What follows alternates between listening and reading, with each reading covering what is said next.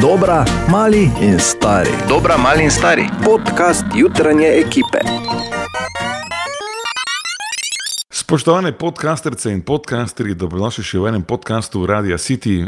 Lahko bi rekel, da je cela ekipa z vami, samo ni najbolj zaslužni. Moje ime je Bore, z mano je Ana. U. To je tvo- to je tvoje pozdrav, kaj? Ja. O, okay.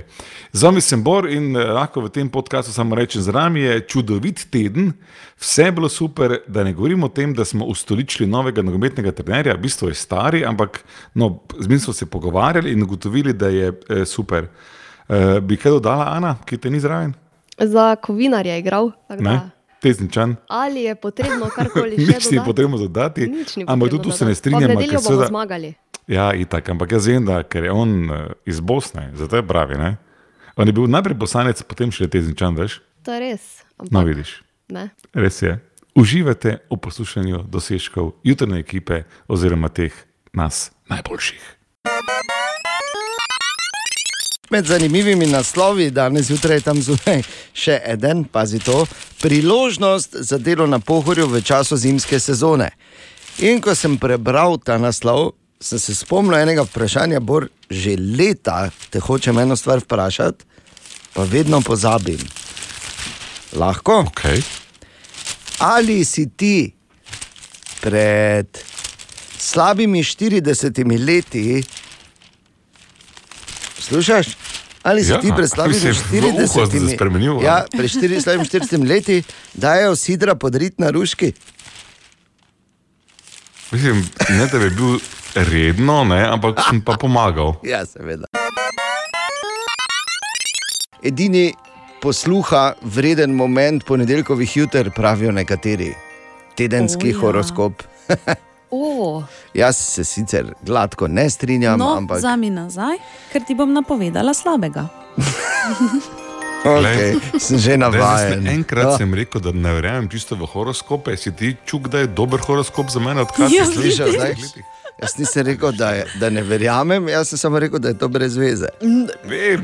Predstavljaj si tvoje horoskope zdaj. Ker ljudje gledajo v zvezde in mislijo, da jim zvezde lahko kaj povejo, samo zato, ker pač nekaj je, ne zavedajo pa se, da mnogih zvezd, ki napovedujejo prihodnost, pod narekovaji, pravzaprav sploh več ni. Katja, dihaj. In da je bila Ker ta. v preteklost. Globok dih. Da se ne minimo o tem, da je to zdaj 7 Minus milijard dih. ljudi, plus ki jih slačijo v 12 znakov. Mislim, Ok, v redu. Okay, povej za tiste, ki verjamejo. Ja. Oven. Intenzivno boste izražali svoje mnenje, kar pa bo pomenilo, da boste za svojo okolico precej naporni. Zanimivo, ni stavna. Bik. Presenetili Bi lahko boste, bila, ne? lahko bi bila, ja. Presenetili boste svojo željo po delu, prav tako svojim razumevanjem za težave drugih. Dvojčka, sledite notranjim zgibom in počnite stvari, ki jih želite vi. Ne trudite se z razlago, tako ali tako vas ne bodo razumeli. Rak svojega mnenja ne boste znali izražati, sploh pa ne na, ne na lep način. Morda je bolje, da ta teden preživljate bolj kot ne sami.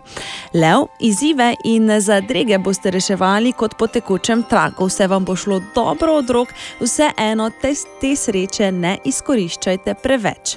Devica, natančnejši, strožji in pronicljivi boste. Zaupajte svoji intuiciji, saj boste ta teden najboljši par.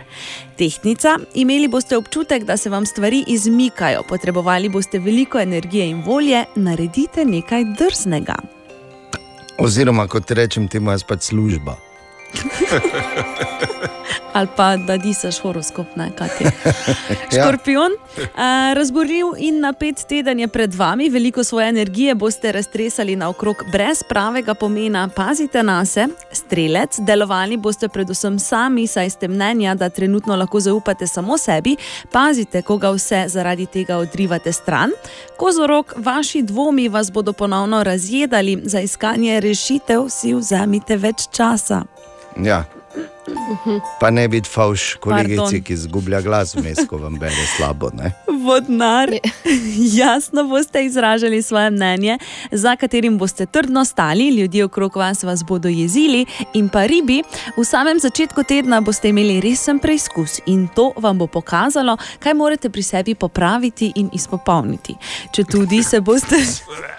Če tudi se bo kasneje zdelo, da ste se prav odločili, boste morali na koncu tedna zopet na zagovor. Letno pa, mislim, če, trudim se, da bi verjel, trudim se, da bi verjel, ampak po tvojih horoskopih bi že mogel biti jaz tekrat mrtev. Ne samo po horoskopih, tudi po tem, kdaj si bil rojen. Tako da, to je zdaj bil slab primer. Bor. Želim, dobim. Sreča je na koncu kabla. Ne, Ja, tako.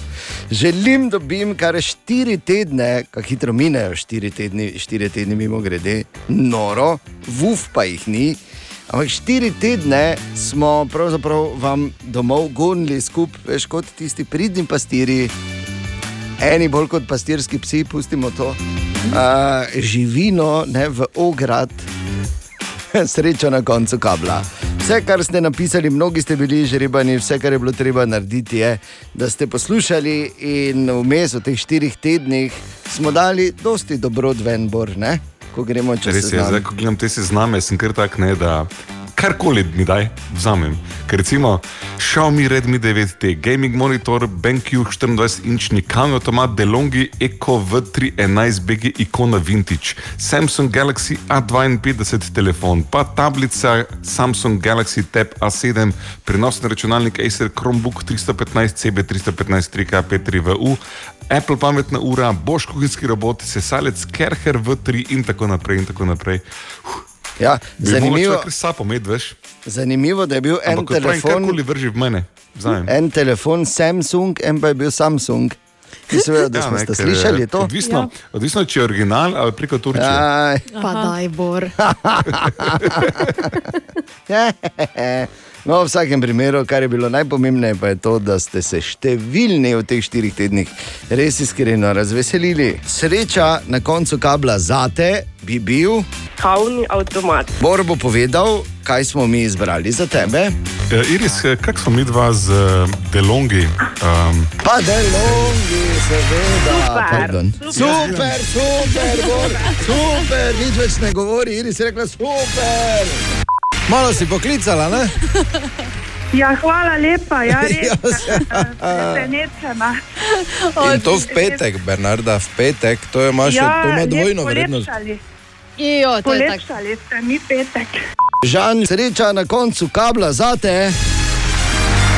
Izpolnjena.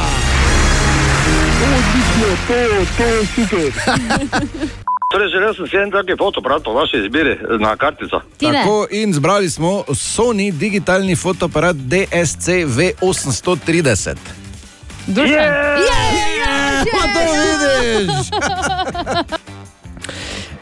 To je samo enih par primerov bilo, tega je bilo ja, ogromno v teh štirih tednih, tako da smo veseli, da smo uh, lahko prišli naproti ne, s kablom v roki in da uh, je bila sreča. In uh, ja, nikoli ne veš, kdaj se želim dobiti, oziroma sreča na koncu kabla spet vrne. Uh, Zaenkrat. zadnje, zdaj se že tretjič, ne? Tako, večkrat kot lesi, 20 minut pred sedmo je. Ena od treh, treh, treh. Jutranji sprehod po zgodovini popularne glasbe. In danes ima 47. rojstni dan Chad Kruger, pevec skupine Nickelback, skupine, za katero eni pravijo, da je dar od Boga, druga polovica pa da je absolutno nepotrebna. No. Preseka, ja, preseka teh dveh množic ni. To je verjetno najbolj pola, polarizirajoča uh, skupi, glasbena skupina ta trenutek in ena najbolj, takih, ki najbolj, so najbolj delile skozi glasbeno zgodovino. In glede na to, da je Čet Kruger rojen na veliko vulkanizerovo, se človek vpraša, kaj nimajo vulkanizerov v Kanadi, da ni mogo iti s to lepo frizuro tam menjavati. Pa Gume. da. Prosti, kaj je samo konkretna, realna vprašanja, ki terja odgovore. Res je. Čed, fr, fr, fr, fr. Ne, dajmo hitreje. Fertik, majster, spusti dol. Fr, fr. Okay. Ampak Čed se je odločil, da bo uh, raje pač se ukvarjal z glasbo. In uh, je za Tako lepo kariero bi lahko Pa imel. res, fr, fr, fr, ni to nekaj najlepšega. Če dvigne avto, razumem. A, Da Zakaj? ima taki glas, veš, bolj mali je. Ja, razumem. Jaz sem na začetku kariere njegove, ko še je mlad. Še malo Ne mlad zdaj, ko je ja. 47. Je pa na listi najbolj neseksi moških na šestem mestu. Seveda. Nisem je. vedel, to da obstaja razumemo. ta lista. Je pa imel seksi žensko, ne vmes. No, no. Avril. Ja, mislim. to je tudi bil par narjem v nebesih. A, Eh, prosim, gremo na muziko. Ja, pa glej, če pa sami vsi komadi so praktično isti, recimo primer A.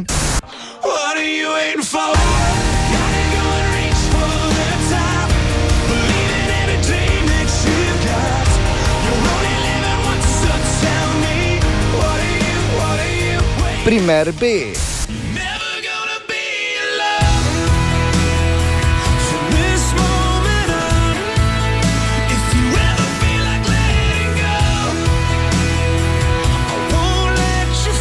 In primer C.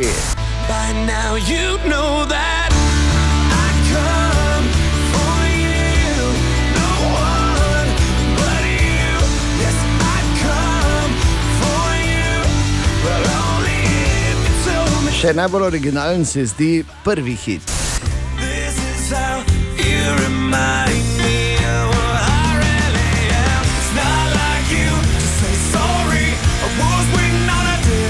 Ampak kakorkoli obrneš, izjemno kariero je naredil Čet Kruger s svojimi Nickelbacki, ki še vedno špilajo.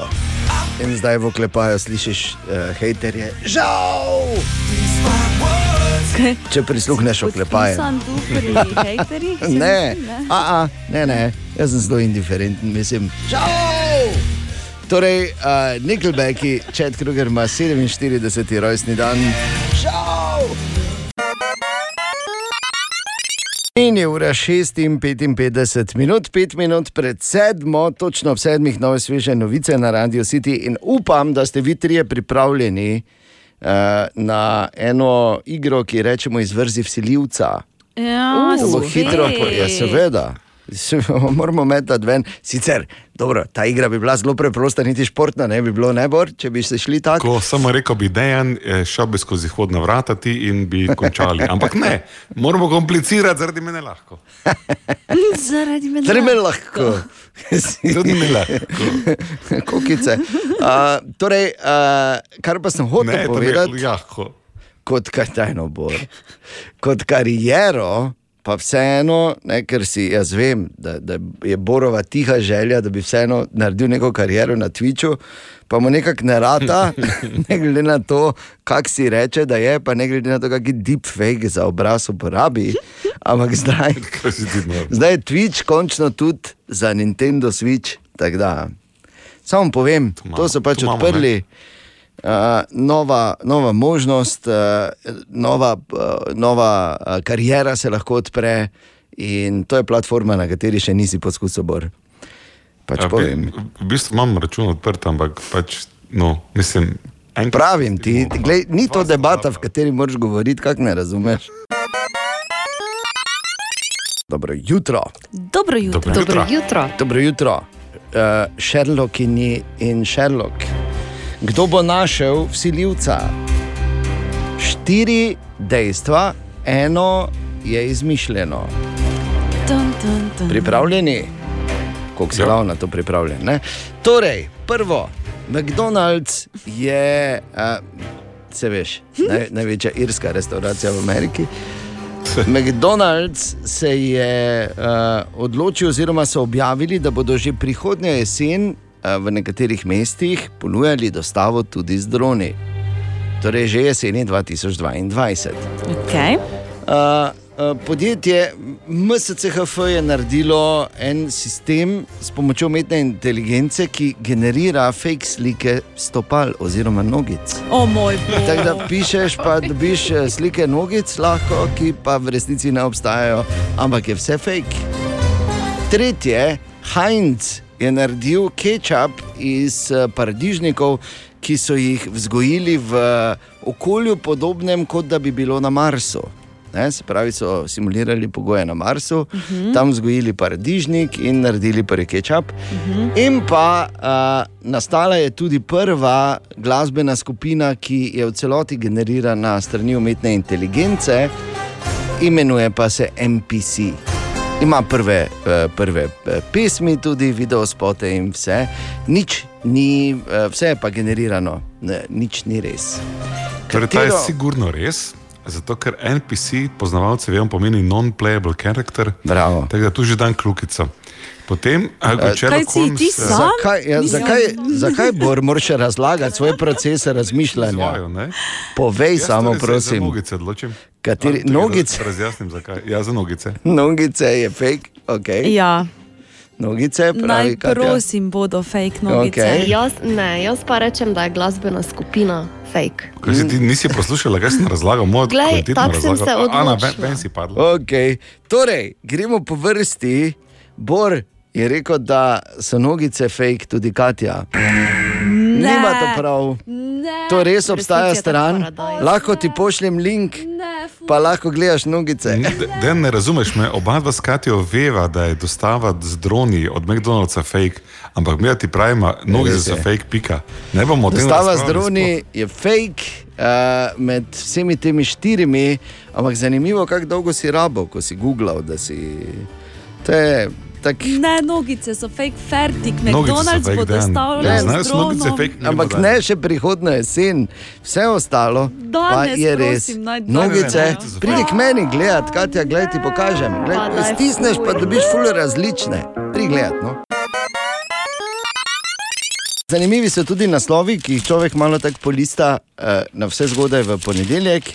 In tu je še eden in sicer pravi takole: Mariborska kanalizacija polna podgan.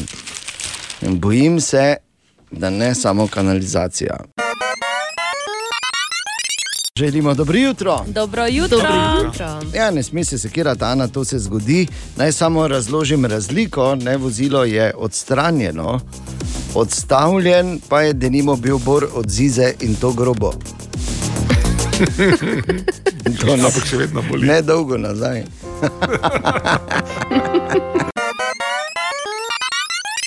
Še enkrat dobro jutro. Dobro jutro. Jutro. Danes je torej 15. november, oziroma veliko vulkanizerovo, in zato ena uh, resnica neimenovanega vulkanizera, Ja. moment ključ, moment ključ je moja desna roka, čuješ. Veš, kak je to, ko recimo dve stvari trčita skupaj in nastane full eksplozija. Ne? In pol odnese dekl dol pod grabo in mora za njim leteti. Ali pa nastanejo čudovite barve, ne, in nebo in bla, bla, bla, bla, bla. To se zgodi pri nas z muziko, ko imaš na eni strani novo, You're just like my favorite song going round round my head. Like my favorite song. in trči z legendarnim.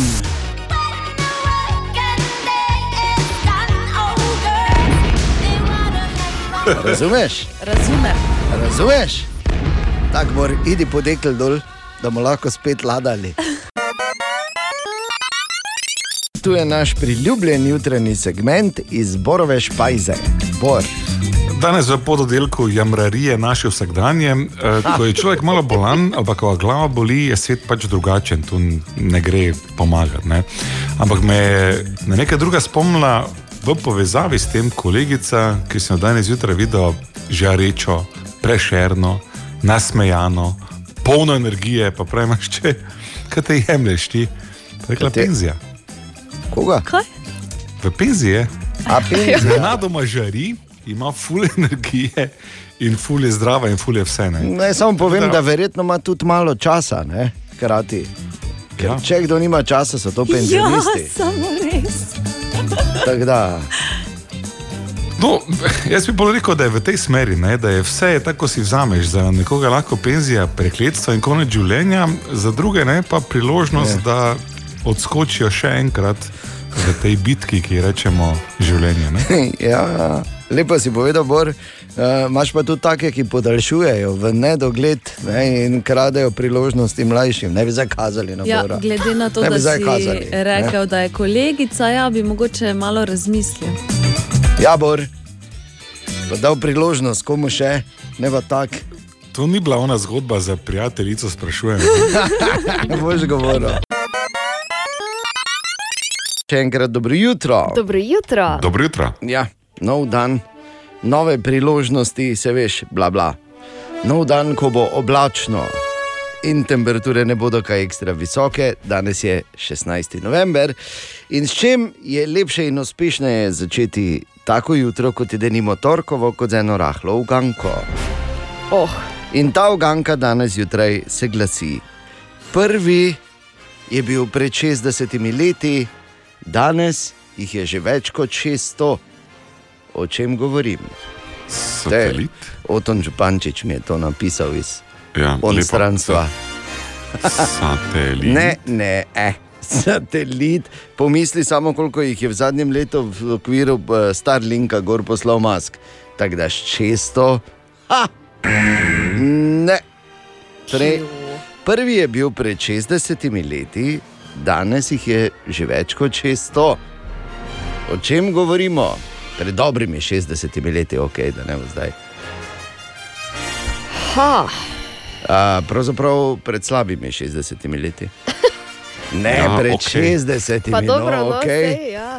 pač nekaj govorim vmes, zato ker je ja, ker je bi drugače bila tišina. hudo razmišljanje, hudo, Ja, čuješ, kako razmišljamo? hudo. Se, Nimam pojma. vsaki točki se lahko predata. Prvi je bil Ne. pred 60, danes jih je že več kot 600. O čem govorim? Bor? Ne, ne morem Ja, računati jaz na na njega. tem se predam, čakaj. Jaz tudi. Bor je bil edini. In se predam. In na 3-4 hop.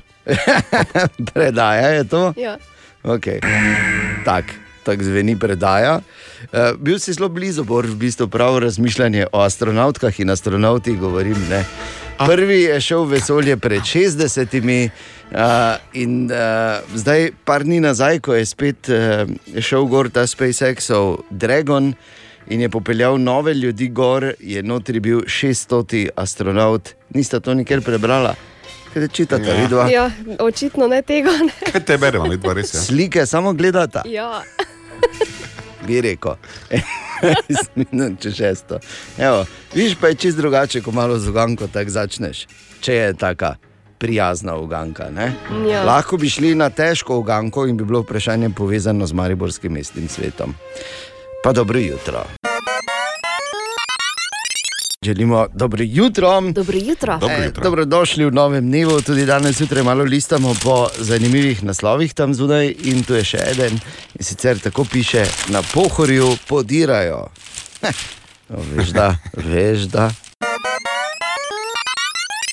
Web, web, web, web check. Ja, danes v živo spremljaš, kako je to, greš na dopust, pa obesiš vse uh, starajočemu se sodelavcu. Starajo, pa da Ja, ni. No, tako je. Kaj je ni. In eh, to seveda ne pomeni, da ni webčeka. In poglejmo, torej, uh, kaj je tam zunaj v enkah in nulkah. Torej, odkar je bila ta vikend oziroma v nedeljo pri Opera, se Adel ne more še rešiti. Posod je, bodi si z svojimi izjavami, bodi si z posnetki kratkega intimnega koncerta. Med drugim je govorila o tem, kak je, kak je rešila svoje telo in hkrati svojo dušo. No. In pa, uh, da uh, je izdala svojim fanom, da bo njen nov singel nosil naslov Hold On in da bo imel brutalno iskrene, uh, iskren tekst. Tako da toliko o tem. Billie Eilish uh, je razširila svoj diapazon uh, delovanja. Your Power so veganske čokolade, ki jih je pač uh, začela promovirati, oziroma jih je, ne vem, če jih ravno ona pakira, no? ampak pakirajo jih v njenem imenu. Ed Sheeran je v enem od svojih intervjujev povedal, da si velika večina njegovih kolegov v pop glasbi, britanski pop glasbi, želi, da, bi, da mu ne bi uspelo. oziroma da bi končno izdal en slab komat in bi se potem nad tem naslajali. Ko so ga vprašali, kako to ve, je rekel preprosto, ker so mi kolegi iz hip-hopa vsi po vrsti čestitali za nov album, iz pop-vod pa nihče. Je rekel, in sicer mi v obraz noben nič ne pove, ampak se pogovarjam z ljudmi, ki se pogovarjajo z ljudmi in ti mi povejo. Znana situacija, mogoče. No, v decembru pa od Eda Širena pričakujemo nov singl in verjetno uh, top božični hit leta 2021, duet z Eltonom Johnom z naslovom Christmas. Uh, in pa še morda ta zanimiva informacija, ki je pricurljala ven. Vemo, kdo je uh, Steve Irwin, Ja, oziroma uh. Crocodile Hunter, Coin, ki se celi je. ko se pravi čuje. To nekoga je skat pičil. ne? Tako 15 let je že, odkar je uh, Crocodile Hunter uh, zapustil ta svet. No, in zdaj so objavili v enem od podkastov, enem je eden izmed članov snemalne ekipe povedal, da je bilo izjemno, izjemno čudno, da je samo dan, preden se je zgodila ta smrtna nesreča, uh, Steve sklical celo ekipo. In imel zelo nenavaden govor, ker običajno tega pač ni počel, tokrat pa je se vsem zahvalil, kako so mu pomagali, in da ne bi bilo nič, če ne bi bilo njih, in skratka, ta, ta, ta, ta, ta. In so vsi tako gledali, in jim je bilo iskreno čudno. No, Eni so šli celo proba, če ima vročino ali kaj, ker nikoli ni tega naredil, no, naslednji dan pa je torej tragično zapustil ta svet. In to so zdaj po. Ja, to so zdaj po teh letih? 15 letih, so to zdaj povedali. Prej pa je niso smeli o tem govoriti, ker so imeli take pogodbe z Discovery Channelom. Kakorkoli, zanimivo, no, verjamem pa, da je eh, še veliko drugega. eh, S čimer se človek lahko obada danes zjutraj, jaz samo upam, govorim seveda o družbenih omrežjih in internetu, upam samo, da niso neumnosti. Webcheck. Želimo dobro jutro. Dobro jutro. Dobro jutro. Ja, danes je torej že torek, 16. november, kaj si se prebudil. Da bi si zapel malo, ne? Si sanjal, da si v zboru, ja? da si. Dunajski deček. Ne, v. Eh. Ojoj, 200 let prepozno. Ne, a, 200 let pa dve jajci. Ne, kar sem hotel povedati, je to, da a, mogoče pač v kakem crkvenem zboru, ne, na koru, skupaj z Gertrudo in Hedviko kolegicami pojete vsako nedeljo. Ne? Ja, klej, imaš mi ista, če se ne zapoje malo, ne? Je doma. Ne? No, vidiš, da znaš, gledaj, no pa to. Dobro jutro, pozdravljeni, jutro. dobrodošli. Dobro jutro. Ne, tako se pozdravi. Še, če bi jaz bil poštar, kako bi me bili veseli. Vsake O, nobite. dober dan, gospa. Oh, mama. Ja, za podpisati, mama, seveda, pa reklame, mami, ja, pa se te veste. No, tako. To Pač tako bi jaz zvenel kot poštar. verjetno. spili kaj? Ne, ne, ne, mor ni dalje, gospa, hvala lepa. Ne me vabiti. Ja, ne, ne, ne. ni. Okay.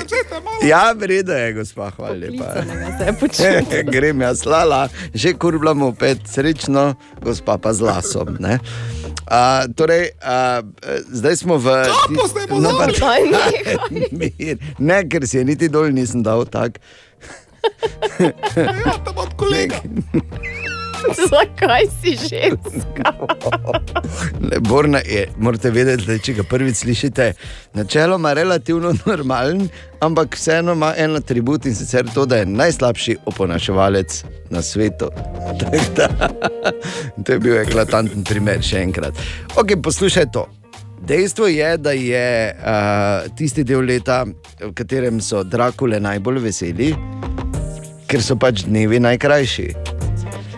Tema pride hitro, oziroma se začne delati že hitro po četrti uri, da nimo. Ne? In uh, zdaj, eh, kaj pa boš delal, ne? razen če imaš rad temo, pa si pač lahko greš zdaj prej po južno, kot Drakula, kot se reče. Ampak eh, privzamemo, da, da ni toliko Drakul tam zunaj. kaj delati. Ja. Zdaj, logična izbira je, da pač doma po hiši kaj postoriš, ali pa da se usedeš pred televizor. Kar je seveda slabo in zapravljanje časa, ker samo toliko dobrih filmov in dobrih serij lahko pogledaš. Se strinjamo? Se strinjamo. Ja. In pol uh, se človek vpraša, kaj pa lahko. Foundation smo že gledali zdaj. tako Foundation, se ne še Ja. nismo, še Foundation. Foundation. Nismo Foundation. Jaz sem zdaj komaj pri novi sezoni narkosov, tako da počasi. Um, torej, uh, kaj početi, da ne bi kar tako zapravljali časa, in pol sem se razmišljal. In sem si zapisal eno vprašanje. In sicer, kdaj si na zadnje zbral kolege, s katerimi ste nekoč po cele noči špilali ta rok? S tem, da zdaj smo seveda starejši, celo noč več ne bo šlo. Ja, pa gre celo noč, ne, Mislim, ne ta rok, ampak uh, igramo za League of Legends. Recimo, ne, skozi- Ja, ne. To je of isto pred Empires, ekranom, to ne velja. To res ne velja. Um, bolj, bolj si mi bil všeč, ko si bil gospa, pa si poštala vabo. Moram kar priznati, 20 minut pred sedmo. Uh, Tako da mogoče, samo kot ideja. Da ne bi več se sedeli, pol pa se ženo gledata, pa ne, ha, ne se ne da likati, tebi se ne da živeti. Kaj bomo, ja, ta rok, ne? Ne, da se ne. Ja, ok, v redu. Jabor, tako. Dobro Dobro jutro. jutro. A, Bor, moram izraziti eno rahlo razočaranje. Opa. Ja, da nisi povedal, oziroma spomnil, da je tvoj bratranec praznoval 73. rojstni dan. Govorimo seveda o princu Charlesu. Bratranec po, se ne vem po čem že, samo pač je na nek način. Ne? Po mrzlem stricu. Uh, well, you know, royalty. Princ Charles, ki je mimo grede, uh, ne vem če si vedel, ampak uh, kak je, kak je on okoljsko osveščen, ima avto, ki gre na staro vino. Kaj? Ja, no, pač na biodizel, njegov sap, ki ga delajo iz uh, ostankov, oziroma iz, kot temu rečejo, wine surpluses. Ne vem, kak name sprašuj. Princ Charles je tudi, da nimo prvi, iz, uh, prvi prestolonaslednik, ki je diplomiral. Dobro, ne? Um, je, mislim, meni je zelo žal, ampak uh, ta ne bo nikoli kralj. Ne? To točka ena, točka dve, zavedno gre v zgodovino kot tisti, ki je pustil Diana. Spencer, oziroma Ja, kasneje to je katastrofa. princeso. To je najbolj, seveda je treba to žalostno dejstvo ne, izpostavljati in teorije ja. zarote. Uh, morda pa, uh, če obrnemo spet nazaj, ne vem, če ste vedeli, ampak to je ena slika, da si jo dati v misli, da vedno spi nagi. Kaj? Ja, ja. Dobro, ne? In pa to dosti tega, uh, dosti tega v bistvu razloži, tudi on je daljni sorodnik Drakule. Kaj ti vlad nabodalec, oziroma vladi Impeler, oziroma vlad Tepeš, ki je v, pač osnova za to zgodbo Brema Stokerja, je v 15. stoletju pač živel v Romuniji oziroma Valahiji in je dejansko sorodnik. Pol brat, v bistvu od starega netopira, samo to je že druga zgodba. Tako da, Bor, če v bodoče ne bi na svoje bratrance tako grdo pozabil, ne? da moramo mi dan pa pol za tem, ko ima rojstni dan, o tem govoriti, katastrofa. No, ta povezava z rodom Tepeš, ne? Ja. Marsikaj pojasni. Pa to ti pravim. Ja. Pa to ti pravim. Te dni, če je kaj dobra novica, je, oziroma koristna novica, je ta povezana z šparanjem pri elektriki in ostalih energentih. Sploh glede na vse, vse podražitve, ki se napovedujejo, in na splošno. In uh, zato smo govorili z Markom Rojsom z Energetske agencije za podravje in mu postavili uh, par vprašanj, oziroma pač terjali nekaj na svetu. Glej, če računajo, naj še svetujejo. Dobro, res je, da oni ne računajo, no, ampak se veš, kaj hočem povedati.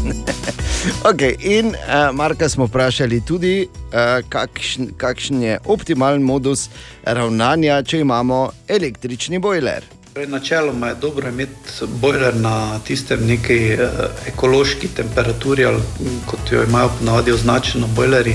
Se pravi, temperatura, ki je dovolj visoka, da se recimo ne razvijajo neke škodljive bakterije, kot je legionela, vendar pa ne tako visoka, da nam bi po nepotrebnem porabljalo energijo ali, ali pa da se nam bi vodni kamen nalagal v bojlerju. In uh, je najbolje, da ga pustimo konstantno vklopljenega, se pravi, da se dogreva po potrebi, če predvsem posebej, če je novejši, pa kvaliteten bojler. Vkolikor pa zapustimo dom, recimo za več kot uh, tam en do dva dni, ne, uh, je pa si že smiselno bojler izklopiti, uh, da pač ne se grejo vode po nepotrebnem. In ko se pogovarjamo o vodi, nas to avtomatsko pripelje do vprašanja o najbolj učinkovitih pralnih navadah, glede na aparature, ki so danes tam zunaj. Uh, na 90 stopinj uh, je priporočljivo redko, kdaj prati, se pravi, recimo belo perilo, pa še tisto ne vsakokrat, uh, zaradi tega, ker moderni pralni praški praktično omogočajo učinkovito pranje pri nižjih temperaturah. In tudi novi pralni stroji so narejeni tako, da kljub temu, da imamo morda 90, dejansko ne se grejo vode vedno čisto do 90 stopinj, zato da pač privrčujo nekaj z energijo, so pa zato pralni cikli nekoliko daljši. Hm. Lažnive pralne stroje imamo. Čula to? Mislim, hvala Bogu, če je v imenu manjše porabe elektrike.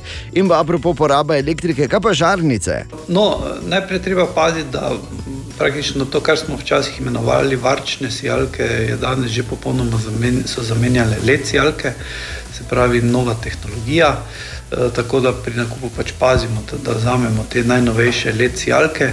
E, lahko pa pač privrčujejo, sedaj odvisno, kakšno svetilko smo prej uporabljali, recimo vem, e, pri napravam navadnih žarnici lahko tudi 60 odstotkov in več energije, ker pač tehnologija na tem področju precej napredovala.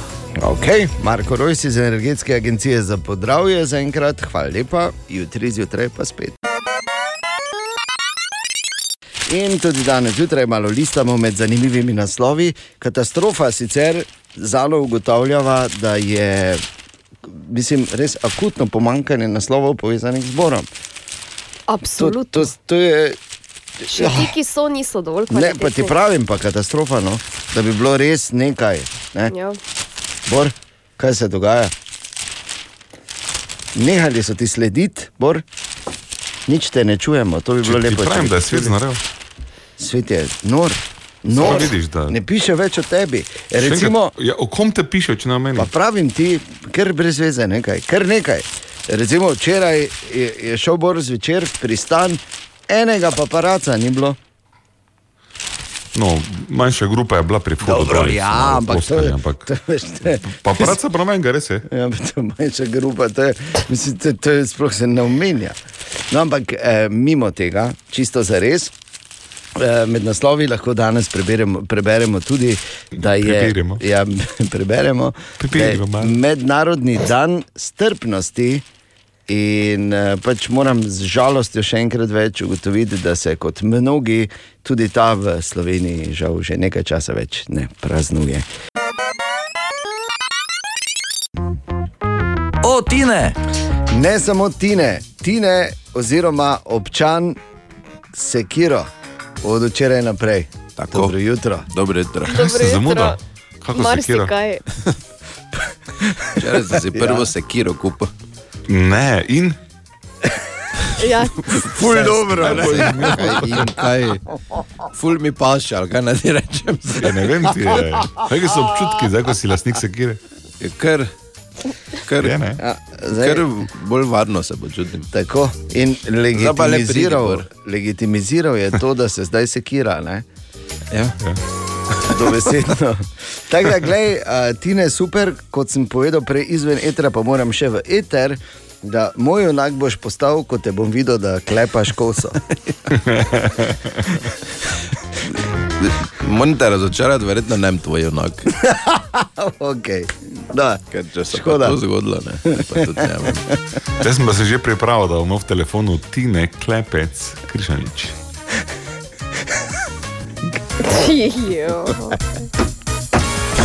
To je narobe na toliko področjih zdaj.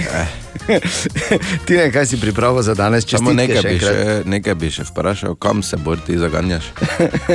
Ker sem te namreč ne čul jaz pred eno uro. že veš, da je kupal. Ne, pusti se kiro. Eno uro nazaj sem se v avtu vozil, pa sem skoraj z mosta zapeljal.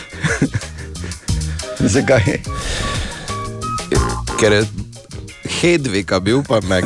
Ja. Si ti normal. Dobro, ne? Najslabši Ljubi oponaševalec. Bog. Ljubi To bi lahko bila od tvojega lika soseda. pa tvojega lika. Od mojega lika soseda. hodili. Ja, ona ta nora, ko so jo odpeljali na koncu. Slušaj, skupaj bi lahko hodili na trg, no, recimo probama, ne, glej. Ne. Si čutil, kak je Samo kak je poštara, vabla Hedvika? Ja, pa da sem poštar, veš, da vržem vse pa letim. Pa, pa če imam 37 penzij, no vržem, pa grem. Res. Ja, res. Hedvika in Marijana, recimo, tu jaz vidim takoj. ne. Vredo je. Vredno je. Ti moraš vedeti, ne, da on vedno, ko imamo kakšne oglede po radiju, ne, po pa vedno prije v moj studio, not, eh, to pa je Tine, eh, producent, eh, tudi eh, član eh, trija eh, Reporter Milan, to je oni, ko je baba. rečem no, Tine- kulturno-umetniškega A Ja, no, društva je, pardon. Ja. Eh, Oni, ko je baba, pa si, ja, ja, baba, e, kaj boš baba, daj na eno, in pol ima prav nastavljeno, idi zdaj recimo, kot da si na trgu, pa solato prodajaš, vedno reče, Vedno isto. Ja, in pol vedno jaz moram reči, dober dan, kupite en divjo, mamo, ja, kak fino bo vse.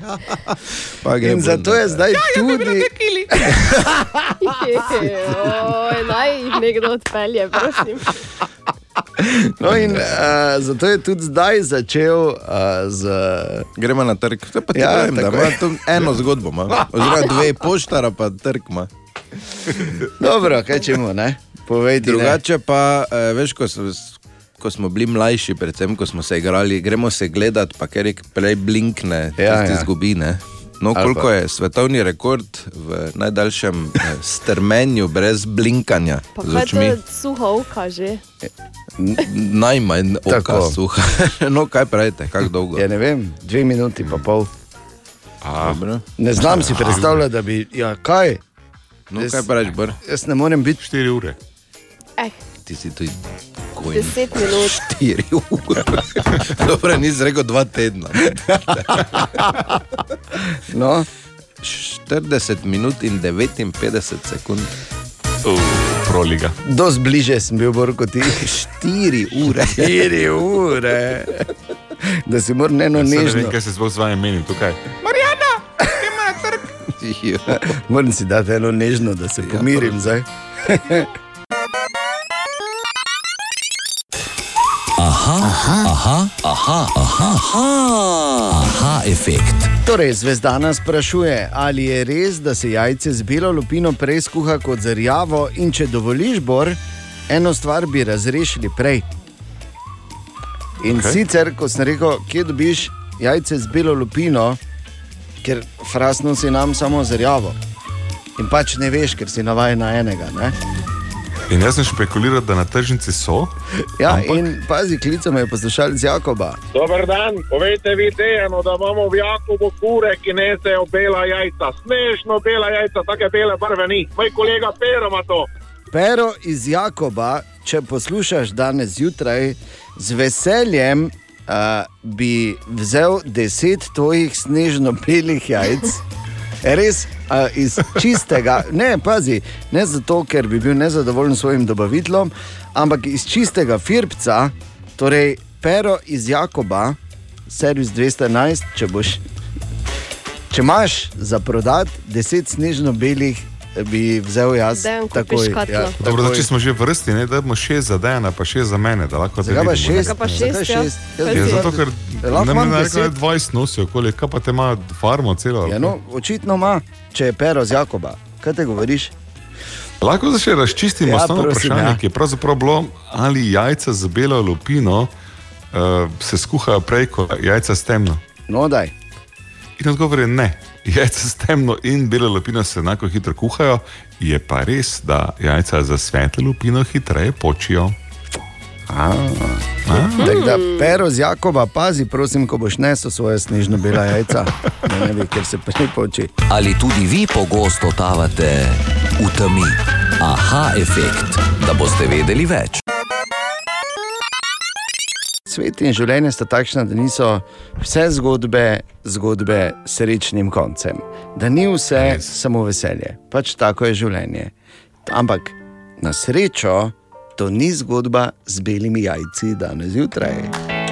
Namreč, ja, namreč uh, v aha efektu, samo da na kratko povzamem, je zvezdana vprašala, ali se jajce z belo lupino skuhajo prej kot tiste z rjavo.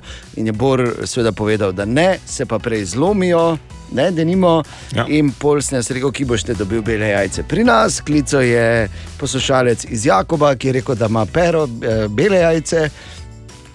Mislim. Na Ja, kure, da ima kure, kure, od, kure. kure od perota nesejo bele jajce in si jaz rekel, to bi pa jaz res deset kupo in pazi.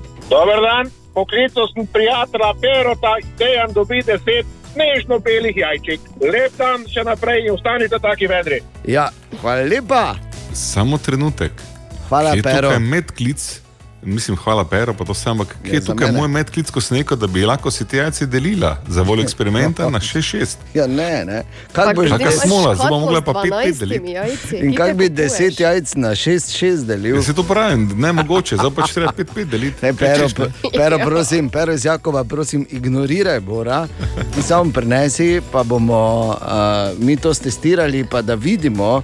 In uh, ker mi je to res presenečenje, pa res, veš, ko imaš pač enega dobavitla, Bog ve, kaj nam, kaj nam ta naš dobavitelj jajc vse nosi. Pa mi pač vse požeremo. Ne?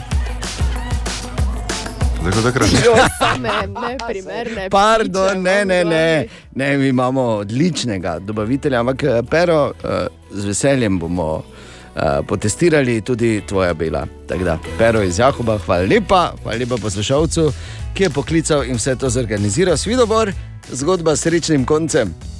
Skoraj srečnim, ti si ostal brez jajc.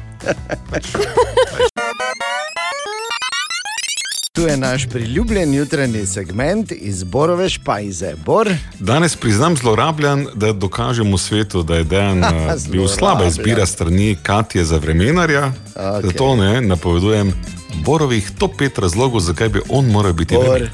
samo malo, dajva se, dajva malo se spustiti, da ti razložim glede tega Kako me smo imena. vzletela? Pazi, pet, top pet je, je kraja, ne? Je, a, si v avtorskem prekršku. Štiri ni Dobro, pravlično, ne, ni pravlično število, tri je preoptimistično, dva mogoče do srede januarja. Tako da, kaj, če bi top en razlog povedal, pa je to to. Bom jaz kar ne, bom jaz kar krenil, pa kaj bo bo. Ne, torej, um, razlogi, brez števila, zakaj bi Bor moral biti vremenar nedejan. Prvič, vreme zahteva izkušenega človeka in dejan, jaz sem dlje časa tu. Ne. Drži. Drugič, tradicionalno vremenari in vremenarke novejše dobe imajo znanje in izgled. Uh, Bor dejan, Bor dejan, Bor. No, no, no, no. no. In naj oganem, naj, naj oganem, prosim, Kaj? ker te zdaj že dobro poznamo. Naj oganem, kaj je tretji razlog, okay. Zakaj bi ti moral imeti vreme, ne jaz. Zato, ker je vreme nebesni pojav in samo eden v jutranji ekipi se je spustil z neba pred leti in je kvalificiran, da to razlaga. Tako. ja, Vreme ta- nebesni tako, pojav? be, to, Zato mora delati ne, to, Nebesna nebesni, entiteta. jutranje ekipe. Ja, ja, ja. ja. A pa vse ta najbližje nebesu. Vreda je. Danes je, kot smo rekli, 17. november. In danes je na nek način poseben dan, danes radio v Sloveniji na nek način praznuje rojstni dan. Namreč leta 1941, hitro, matematična genija, koliko je torej star radio v Dosti. Sloveniji? Boro bom prepustila, ker hočem slišati. Hvala za res. neverjetno. Cen zgodaj zjutraj. Ja. Malo se menimo, kričačo vidva. to Ja, tako je. 80, točno pred 80 leti je namreč začel oddajati leta 1941 in sicer ilegalno, ker mi, ki delamo na radiju, smo na nek način superjunaki in moramo delovati proti. Ne, takrat so pa res bili težki časi. Ilegalno je v Ljubljani torej začela oddajati radijska postaja Kričač, ki je delala približno pol leta, pol pa so rekli Italijani, ki so uh, okupirali Ljubljano, non poslušare. In so, uh, se pravi, vse radijske spremnike, kako ne nemško bi lahko rekli, prepovedali. Um, in uh, takrat je pač potem kričač nehal oddajati, ker ni zdaj uh, oddajal je v jeziku, ki ga je govorilo relativno malo ljudi. Imel je oddajnik, ki je nesel relativno malo okoli, ne? in če ni nekaj radijskih spremnikov, kaj boš. Tako so potem Ampak to so začetki radia v Sloveniji in zanimivo, da se je začelo tako, da so dali tik-takanje ure kot uh, simbol za to, da bomo Slovenci ostali, oziroma da prihaja naš čas in pa takratna slovenska himna. Jenkova naprej zastava slave.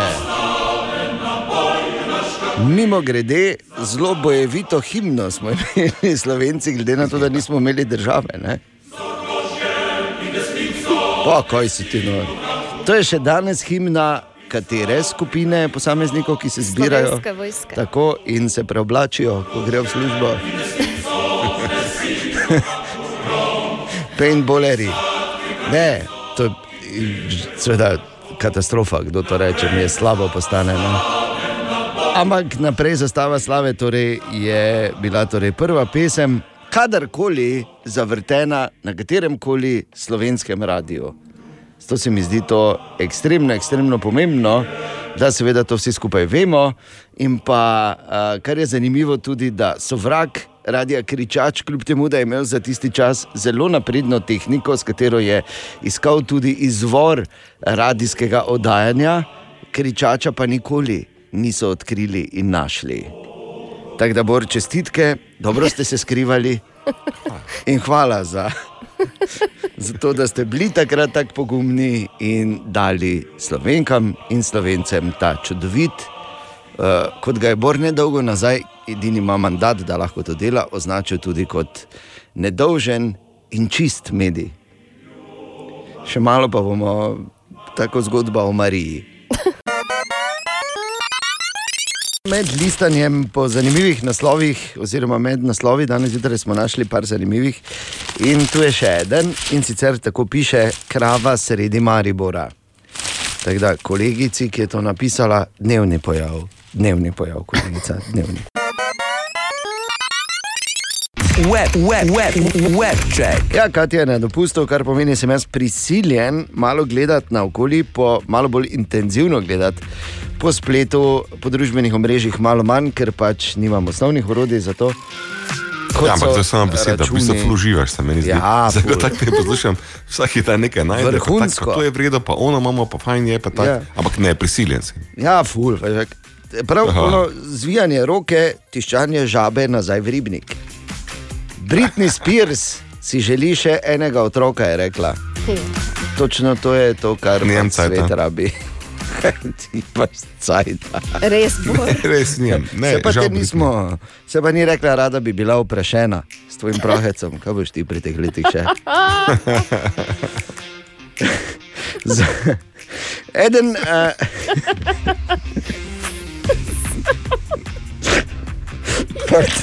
Prahec, da je to tebe najboljše. Ja.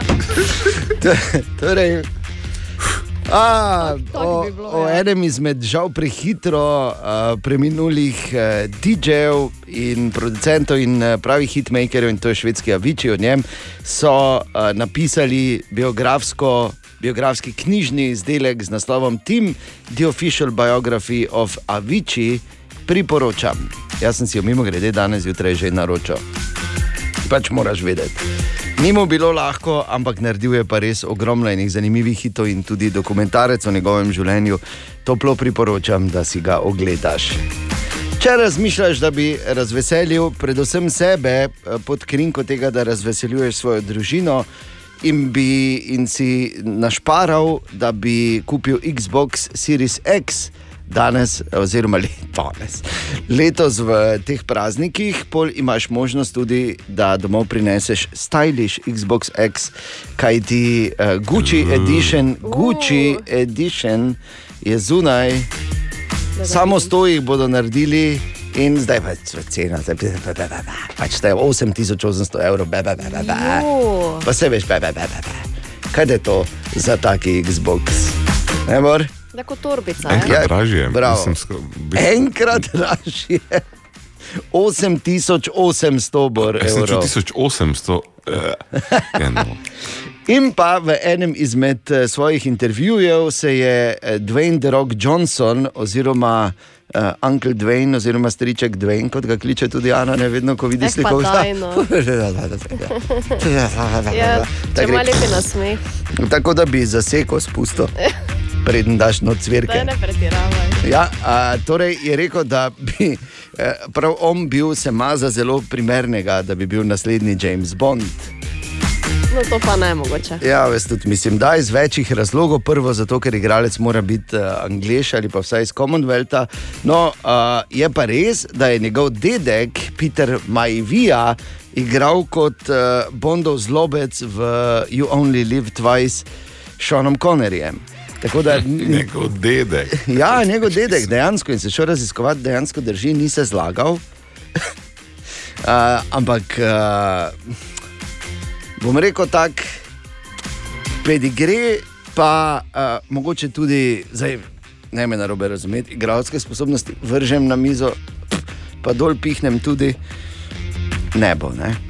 Ampak uh, zanimiva ideja in uh, mogoče tudi uh, tema za debato. Ja, danes zjutraj, če imaš kakšne fene, Jamesa Bonda, uh, kaj misliš, kdo bi bil dober uh, naslednji Bond? Med drugim, veš, ko priješ, pa zjutraj pri kafeju se nimaš kaj prav zameniti. Ja, tako je, kak si spal, si verjel, če, kaj pa, kjer bi te bil Bond naslednji po tvoje? Ne, to moraš takoj vprašati, ker če vprašaš, kak si spal, boš mogoče dobil odgovor, ki ga nočeš slišati. Ali pa boš 10 minut stal, pa boš kimal, pa ja, ja, ok, ok. okay. Čuj, čuj, Tebe, tebe kako tako začneš? Uh, o, Idris Elba? Aha, gleda politično korektnega. Webcheck. Torej, uh, časi so, ko tako kot vsak dan rečemo uh, in spomnimo, žal, žal pač to je dejstvo, prihajajo više cene elektrike, ponekod so že. In pomembno je vedeti, kje lahko kak evro ali pa ne vem, tu 10, tam 15 centov, pa se zna nabrati, kak lahko kaj prišparamo. Zato smo govorili z Markom Rojsom iz Energetske agencije za podravje in ga recimo vprašali tudi na temo kurjave v največjem mrazu. Ne, kaj je bolj smiselno? Se bolj toplo obleči ali zvišati temperaturo gretja? Če jo vprašaš doma, to sploh ni dilema. Ampak eh, čisto za res, Marko. No, eh, zdaj bi rekel, po zimi je smiselno, da se prijetno počutimo. ne. Zdaj, če nimamo dobro izolirane hiše, lahko imamo nekoliko morda nižjo temperaturo, pa se bolj oblečemo. ne. Eh, Ali pa tudi na splošno, recimo, če nimamo previsoke temperature, dobro že zaradi zdravja, včasih ni najbolj koristno imeti previsoke temperature. Tako da eh, jaz bi rekel, so neka priporočila za prostore, se pravi, ne vem, eh, v dnevnem prostoru imamo 21 do 22 stopinj, potem eh, v nekih predsobah in podobno, recimo okoli 20 stopinj, v spalnici lahko tudi samo 18, vendar pa eh, zelo nizke temperature pa potem spet niso z drugih razlogov priporočljive v stavbi. Tako.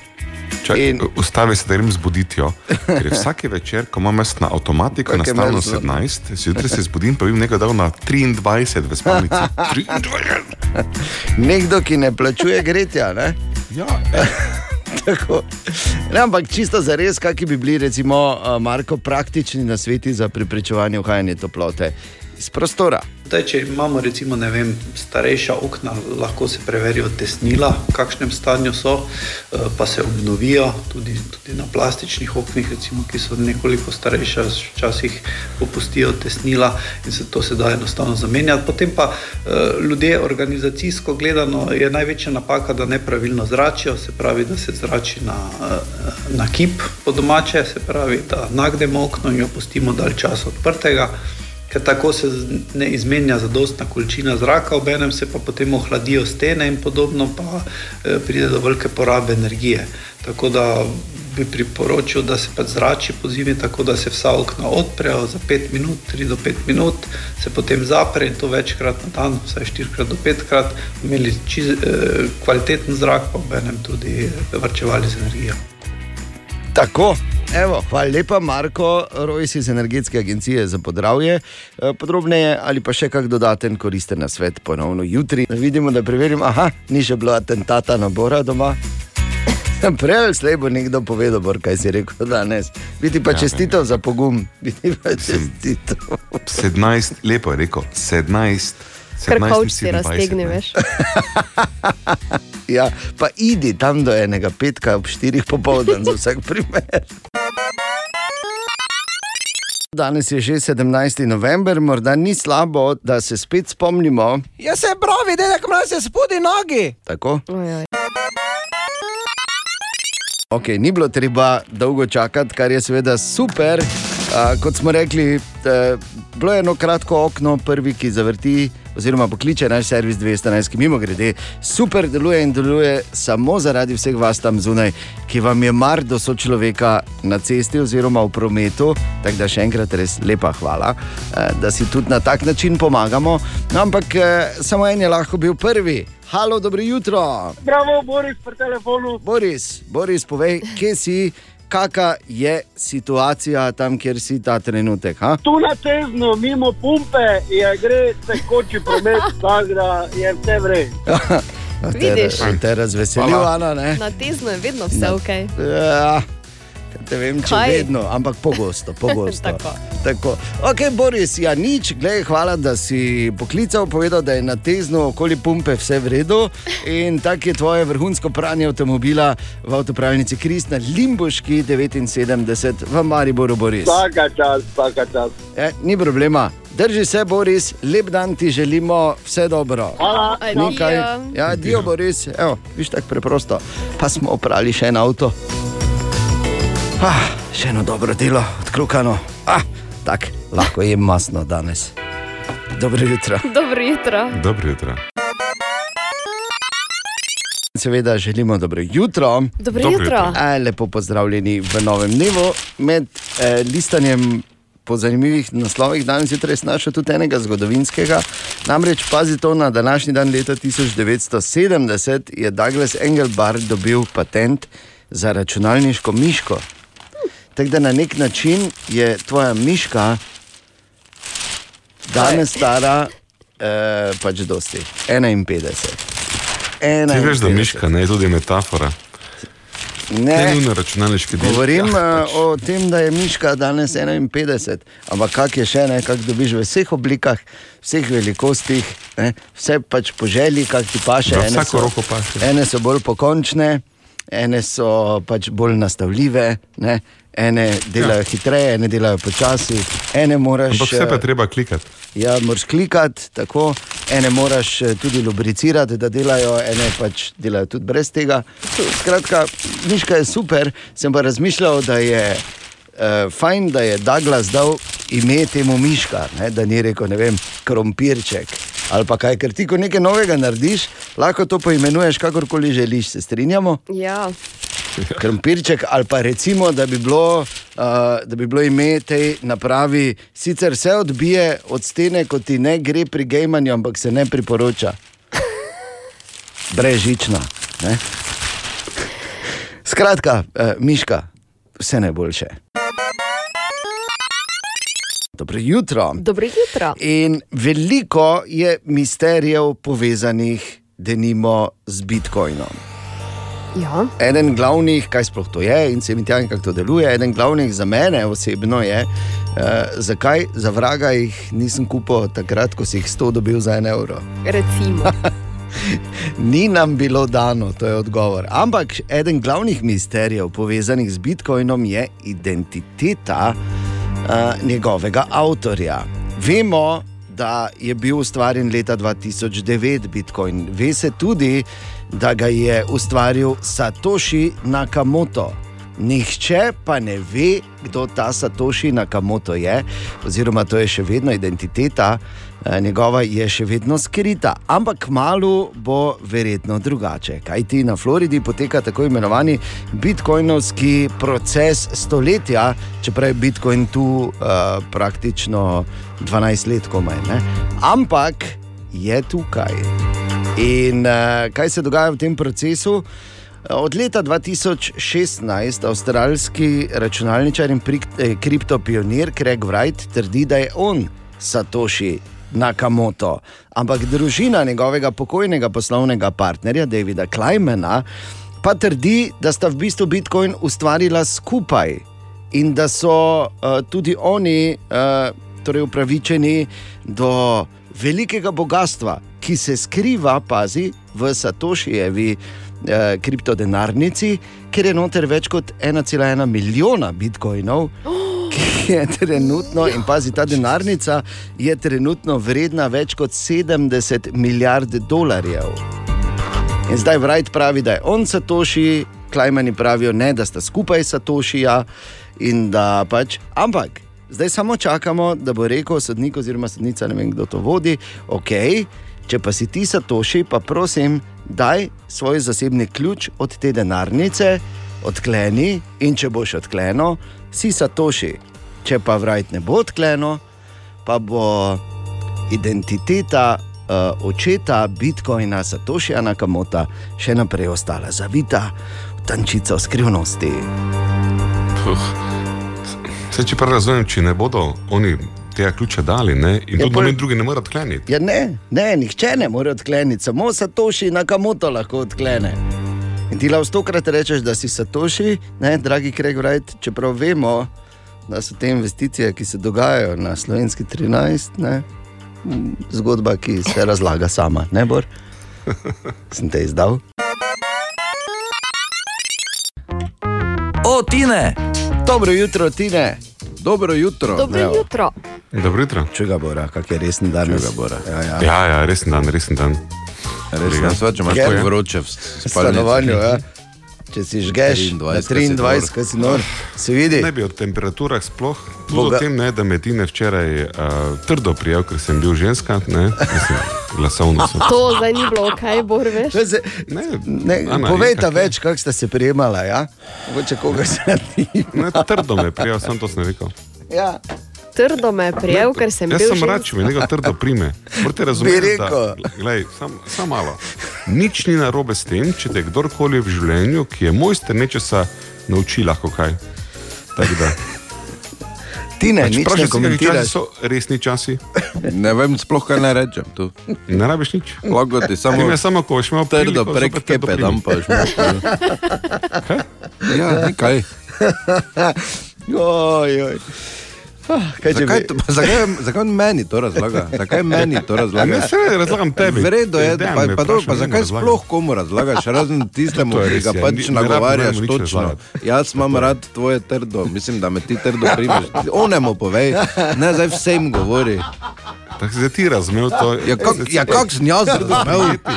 Če si zdaj govoril, jaz imam Ne, ne, ne, rad, ne, da ne, me trdo prime. večji problem. Katerakoli stvar, ki jo rečem, pri vama gre ne mudoma v smeri spolnosti. Ne. Ali sem rekel, da je je metafora, kdo, ne je z besedo spolnost, omenil Absolutno, razen ti. In zdaj, si, zdaj Ne, imam pa še to imič v glavi od tebe, spolnosti pa trdo. Lepo. Prijemanje. Dobro, kaj če bi se premaknili, hvala lepa, to je bil pač uh, moment. Pač Jaz grem domov. Skrbi, dobro. Trdi moment je bil. Ja, skrbimo za to, da so vse, vsa polja pokrita. Uh, zdaj pa povej, uh, Tine, kaj imaš dan za eno zanimivost. Nič tako trdega ne bo. Ne? Ne, fajn. Ena stvar je v bistvu sama po sebi umevna, ampak nikoli nisi razmišljal o tem. Ne? Če si alergičen na mačke, Ja. Ja, obsta No, vredo, Ana. Jo. Si. obstaja velika verjetnost, da si alergičen tudi na leve in tigre. kaj? Zato je to, zato Kaj, je ta Ne morem imeti doma. Ja, kaj so si se pa? Ne, Ne, ja, kaj- samo zaradi tega ne moreš. lev pa je pes. ja, zanimivo. Zanimivo ja. tako da je dobro vzeti takega sabo, če imaš pohod čez ne vem, savano, ker ko začne kihati, veš, da te tam zgrmovja ven gleda. Ne? Aha, aha, aha, aha, aha, aha, aha efekt. Torej, Janja je vprašala, ali je res, da je razpon rok enak naši telesni višini in da je dolžina stopala enaka dolžini od komolca do, torej, do dlani. Ja, Dobro jutro. Dobro Eh, jutro, Boris. Z tukaj um, artističnega zornega kota, umetnika, ki nikoli ni naredil ravne črte, imam pa dovolj kolegic in kolegov, ki to delajo, ne, da seveda poznajo ta zlata razmerja, ki tudi pomagajo ljudem pri risanju. Torej, razpon rok in se meri seveda od sredinca do sredinca. Je zmeraj tako um, dolg, kot uh, je dolga, oziroma si ti visok. Resno, Ja. Identično je. Lahko si nas Glejte, Ja, grozno. Meni pa se sploh ne zdi, da bi velika. Bo jaz pa ful. Mogoče zato, ker Veš nisem. kak? Mi smo se doma za vsi premerili nekaj zanimivih ugotovitev ob tem blovne. Prvič, uh, Julija se je drla kot krava, ker ni prišel na vrsto najprej, ne, ker mora biti tretja. Ugotovitev številka dva je bila seveda ta, da pri otrocih to razmerje ne štima popolnoma, Ker še rastejo, Valjda ne. še rastejo. Ne?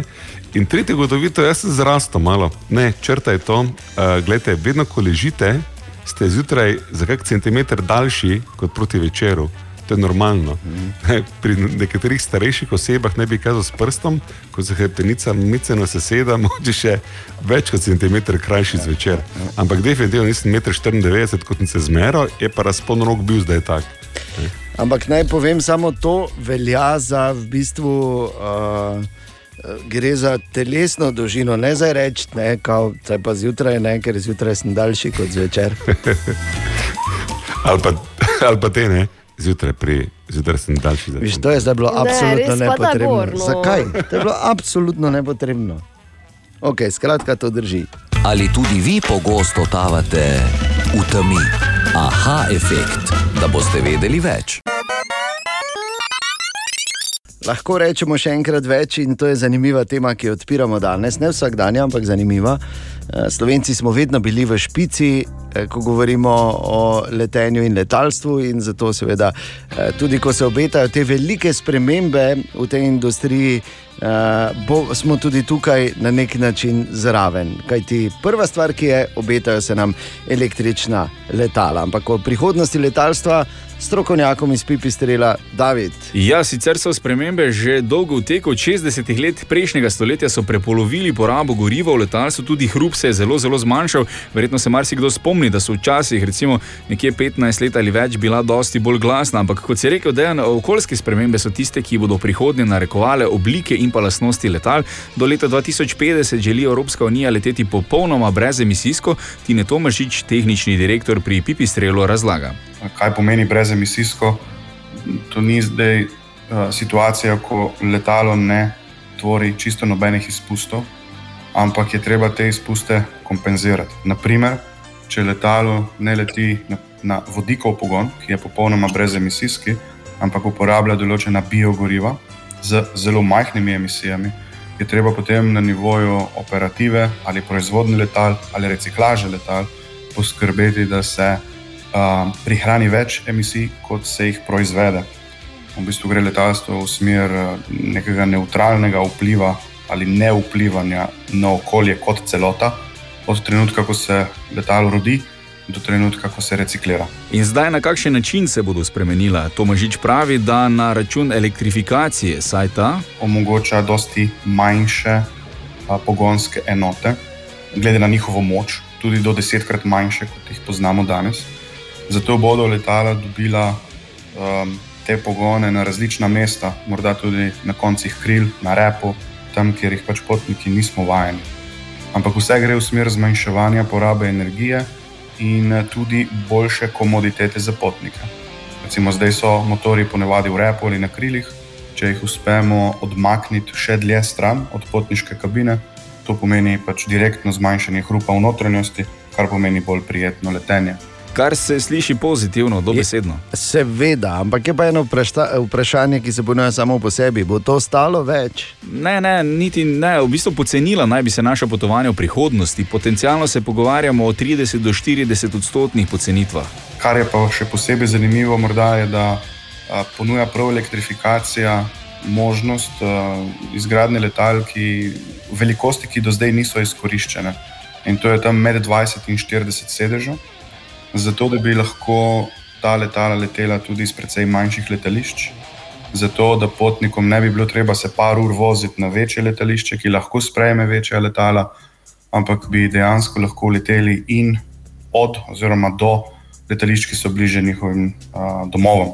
Se pravi, iz Maribora z manjšim letalom do Dunaja, Minhna, Frankfurta in potem od tam naprej, naprimer v Tokio, ZDA, kamorkoli. Dodava še, da se bo še naprej zmanjševal hrup in pa da se bodo seveda zamenjala goriva, ne bomo več vonjali kerozina letal na letališču. Naprimer. Super. In kje je zdaj tu Slovenija? Ja, v evropskem merilu kotiramo zelo dobro, Tomaž Žič ocenjuje prihodnost kot svetlo. Slovenija je v bistvu kljub svoji majhnosti zelo napredna, kar se tiče uvajanja novih tehnologij v letalstvo. Pipistrel kot podjetje je v tem trenutku edino podjetje, ki dobavlja električna letala strankam v svetovnem nivoju.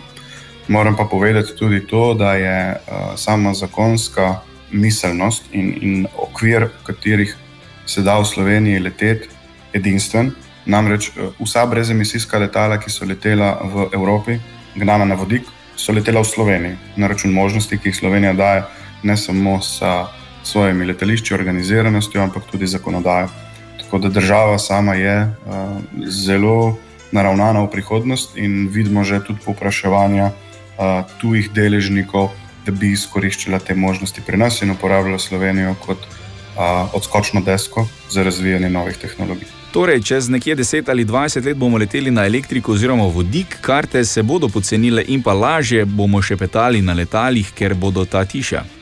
Ja, in, in hkrati, seveda, težje vstopali v Mile High Club, ne, kot ga tudi imenujejo. Ampak super, da, imamo, uh, da smo Slovenci še naprej v tej špici, da imamo podjetja, kot je Pipi Strelj za nesenjake, kot je Ivo Boskarol in uh, ne na zadnje strokovnjake, kot je naš današnji sogovornik Tine Tomažič. Tako da prihodnost je svetla, zelena, na vodik ali elektriko. In tu je naš priljubljen jutranji segment, imenovan Izborove špajze. Bor. Dobro jutro, danes vas napadam z naslovom Živimo v tehnološko razborljivih časih. Vsakeč, ko to rečemo, v zadnjih desetih letih je bolj res, se mi zdi. Ampak tu najbolj mislim, da tehnologija za to dualnost, da na eni strani nas lahko reši marsičesa, na drugi strani pa je prekletstvo, ki si ga fejst na glavo nakopavamo iz leta v leto. To je še tako res, da ne morem bolj reči, da je res. Se strinjaš? Ana, dejan, ti na drugi strani. Ja. No. Ja, Veš kaj pač je razmišljal- tako, da ni pač, eh, tehnologija, pa ni za to nič kriva. Gre samo zato, ker ali se mo- znamo mi imeti v rokah, ali se pa ne znamo imeti v Ja, rokah. ja, ja. Ampak to je ena vrsta debate. Druga je pa ta, ne, da tehnologija je bila izumljena, da nam olajša življenja, zakaj nam torej ne? In odgovor je tukaj: spoznajte bora prihodnosti, v poklicu prihodnosti, nastavljalec avtomatičnih sistemov doma. Po domače povedano, vaš telefon zmore preko IFTT-ja, da ko stopite skozi bajto, da bi prižgal luči, ko vas prepozna preko Wi-Fi-ja, samo kdo bo to nastavil, zato nič nikoli ne dela. Ne? In sem tako razmišljal, počasi bom Boš se začel? usmeril v to, da bom res znal vsako toto mini stvar povezati z drugo. In jaz mislim, tu noter mora biti ena grozna težavniša. To pa samo zato govorim, ker klicev Windows mi ne delajo, pridi mi disk zamenjati. In ali mi lahko tu ventilator očistiš, tega sem že malo sit v zadnjih 20 letih. Za naprej prekvalifikacija v nastavljalec avtomatičnega življenja. Ne. Neko romantično ime rabiš za to poklic. Nisi takim, prej si rekel boljše, povezovalec mini stvari. To je, mislim, sicer samo prilikovanje enega poklica, ki ga marsikdo uh, imenuje tudi najstarejša obrt na svetu. Recimo, ne? Na nek način. Eh, Še listamo med zanimivimi eh, naslovi danes zjutraj. Še, še eno oboru je, njegovo delo je prepoznavno. Aha. Je, ne? Ja, glej, moraš pač dosti brati v življenju, včasih tudi samo tako. Ampak eh, ne čisto za res je pa tu še en, ki me je res. In sicer piše takole: Apple bo omogočil svojim kupcem, da si sami popravljajo napake na svojih izdelkih. In bi jaz zdaj na tem mestu Tima Kuka vprašal, ali se tebi to res zdi dobra ideja? Web, web, web, web check. Torej, spet hvala, Katja, da si nazaj. Se ne rabim več upada s tem. Zadnja dva dneva, Katja, sta bila katastrofalna. Kaj si- je bil. Instagram naložil. Veš, kaj, ne, to ne, tako tak ne more biti. Ampak veš, kaj sem jaz se moral mučiti, da sem našel nekaj. Veš, kaj vse sem jaz mogel prebrati? Spletne strani, za katere nisem vedel, da obstajajo sploh. Bog ja, mi pomagaj. Oh, Malo okay. si poškodoval možgane. pa ne? nisem si poškodoval, to težko veš. Mislim, Težko to razpoko. Z novicami, ki niso. A, pa gled, pa se od vsaka stvar ti škodi v življenju, ne škodi v življenju, veš, jaz pravim tako. Vedno moraš. Okay. Ja. Kaj imamo danes, kaj se piše, Katja? Tri leta po snemanju filma Shallow se je Bradley Cooper odločil končno nasloviti novice o romantičnem razmerju z Lady Gaga. Ja, in? Nista bila skupaj, Aha. Samo zelo ne. dobro sta igrala. Mhm. Aha. Noben to ne verjame. Jaz sem videl Bre- Bradleyja Cooperja dobro igrati, ne zna tako dobro igrati. Pa daj. no, glej, vse je vredno, sej tudi, če, če je bilo samo za šport, pa vredno, sta rekla, gremo danes telovaditi, nismo skupaj, samo telovadimo skupaj. Tudi to je. Okej. Ne, okay. No, ena izmed novic, ki se bo zagotovo danes na veliko komentirala, je ta, da sta Kamila Kabejo in Sean Mendes zaključila svojo zvezo. Pa to ne moreš verjeti. Tri ure nazaj je Kamila Kabejo na Instagramu objavila to novico, zraven zapisala, da se sicer imata še vedno zelo rada, Seveda. ampak da sta pač zvezo zaključila, eh, seveda v prijateljskem odnosu. Absolutno. Aha. Kaj, Kamila, kaj si telefonsko zgubila? Tri ure samska, pa še ne kličeš. Še enkrat, No, bor, še enkrat, bor. Naj te spomnim na včerajšnjo debato Britney Ne. Spears. Če bo rabila opraševalca dobesedno, še, samo še ven naredi, te bo klicala. Okay. Ja, pokliči. Gremo dalje, prosim. Ja, izvoli. Pogledaš si lahko novo božično reklamo in sicer reklamo za McDonald's, ki pa je bila posneta nikjer drugje Ja, seveda. v najlepšem mestu. Poznamo, pa smo imeli To rigi so bile cele- To, kar nismo vedeli, je, da je zdaj magični krompirček, ki ga deklica v avtu drži in maha. Mislim, eh, jaz kot eh, reden radijski ocenjevalec kvalitete igranja moram reči, nisem še videl deklice tako slabo igrati, ampak No. reklama pa res slabo film. No, daj, no. Ak, reklama je pa super, ne? kak, Bog kak je. Maribor lep, pa mm. kak je trg imamo, samo malo so dodali, se mi zdi, to tih lučk. Meni manjka sneg v reklami. CG je se na koncu začne padati. Just Ja. believe in miracles, ne? Okay, Razumeš? Super reklama, če že ne. Ja. Drugače, in lahko si jo gledaš na našem Facebooku. Jaz bi samo rekel, da uh, bi lahko bila super reklama, je imela potencial, da bi bila super reklama, pol pa niso dali vseh teh čudovitih kadrov Bora noter. Ne? Je ja, A zakaj mislite, da vam zamero? bi povedal. Kaj misliš, da ste mogli biti v taksiju z krompirčkom v roki? Okay. Seveda, oblečem v deklico, Pa, Tako. ko čaraš in prižigaš lučke. Ja, bi ga pojedel, prvi okay, ovinek. morda predlog za na občino, ko se vžge letos praznična osvetlitev, da bi Bori, Potem da, Boru dali gor tu, tu, pa ga spustili po mestu, da gre pred vsako lučko. Ping. Tako, vklopljena, vklopljena, tata, vklopljena, tata, tata. Tata, tata, vklopljeno. Okay. Oh, Ja. Še eno imam. Sicer ponovno so naredili raziskavo za najpogosteje uporabljeno geslo, torej zdaj leta 2021. Glej ga zlomka, 1, 2, 3, 4, 5, 6. A, šest je zraven. Web check. 18. november, ali se vi zavedate, mesec in teden dni je do Božiča. Veš kaj govorim? Kaj je Je. Natalija že rekla?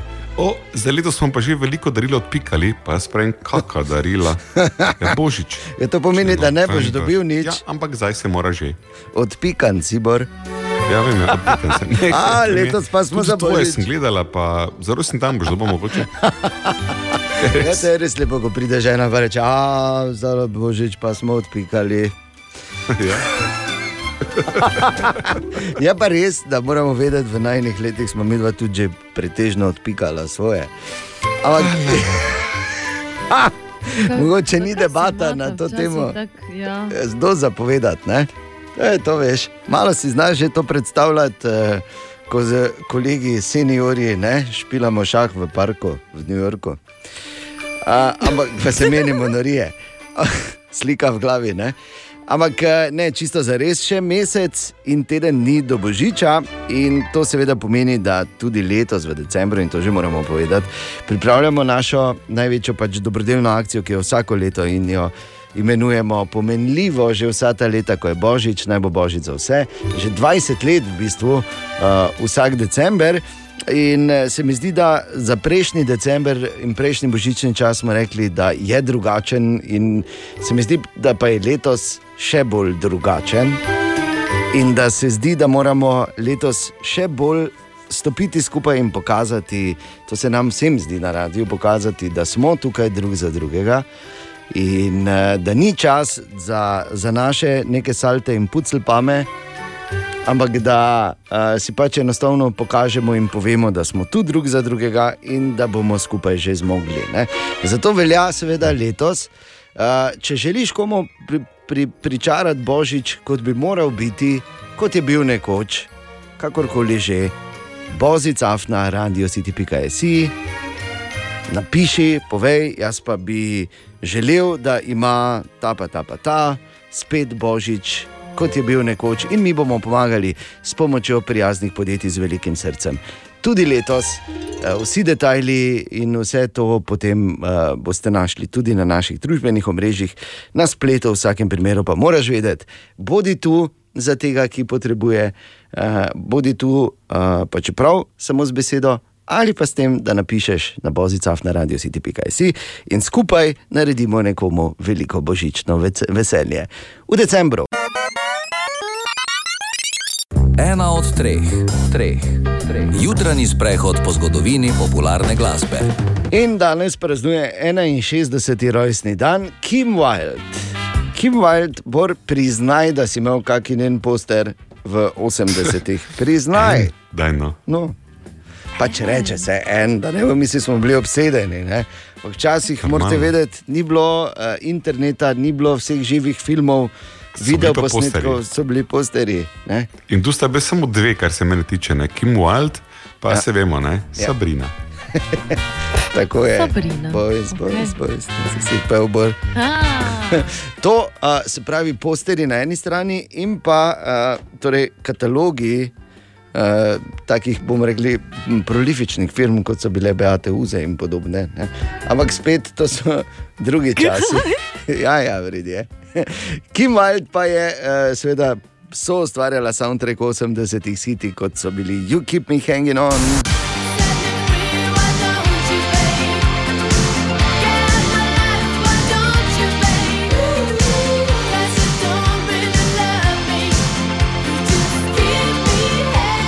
Pa You Came.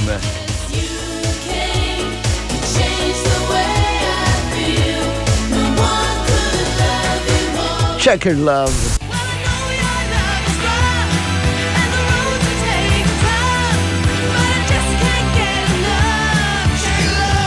In pa jasno, da je Kids in America.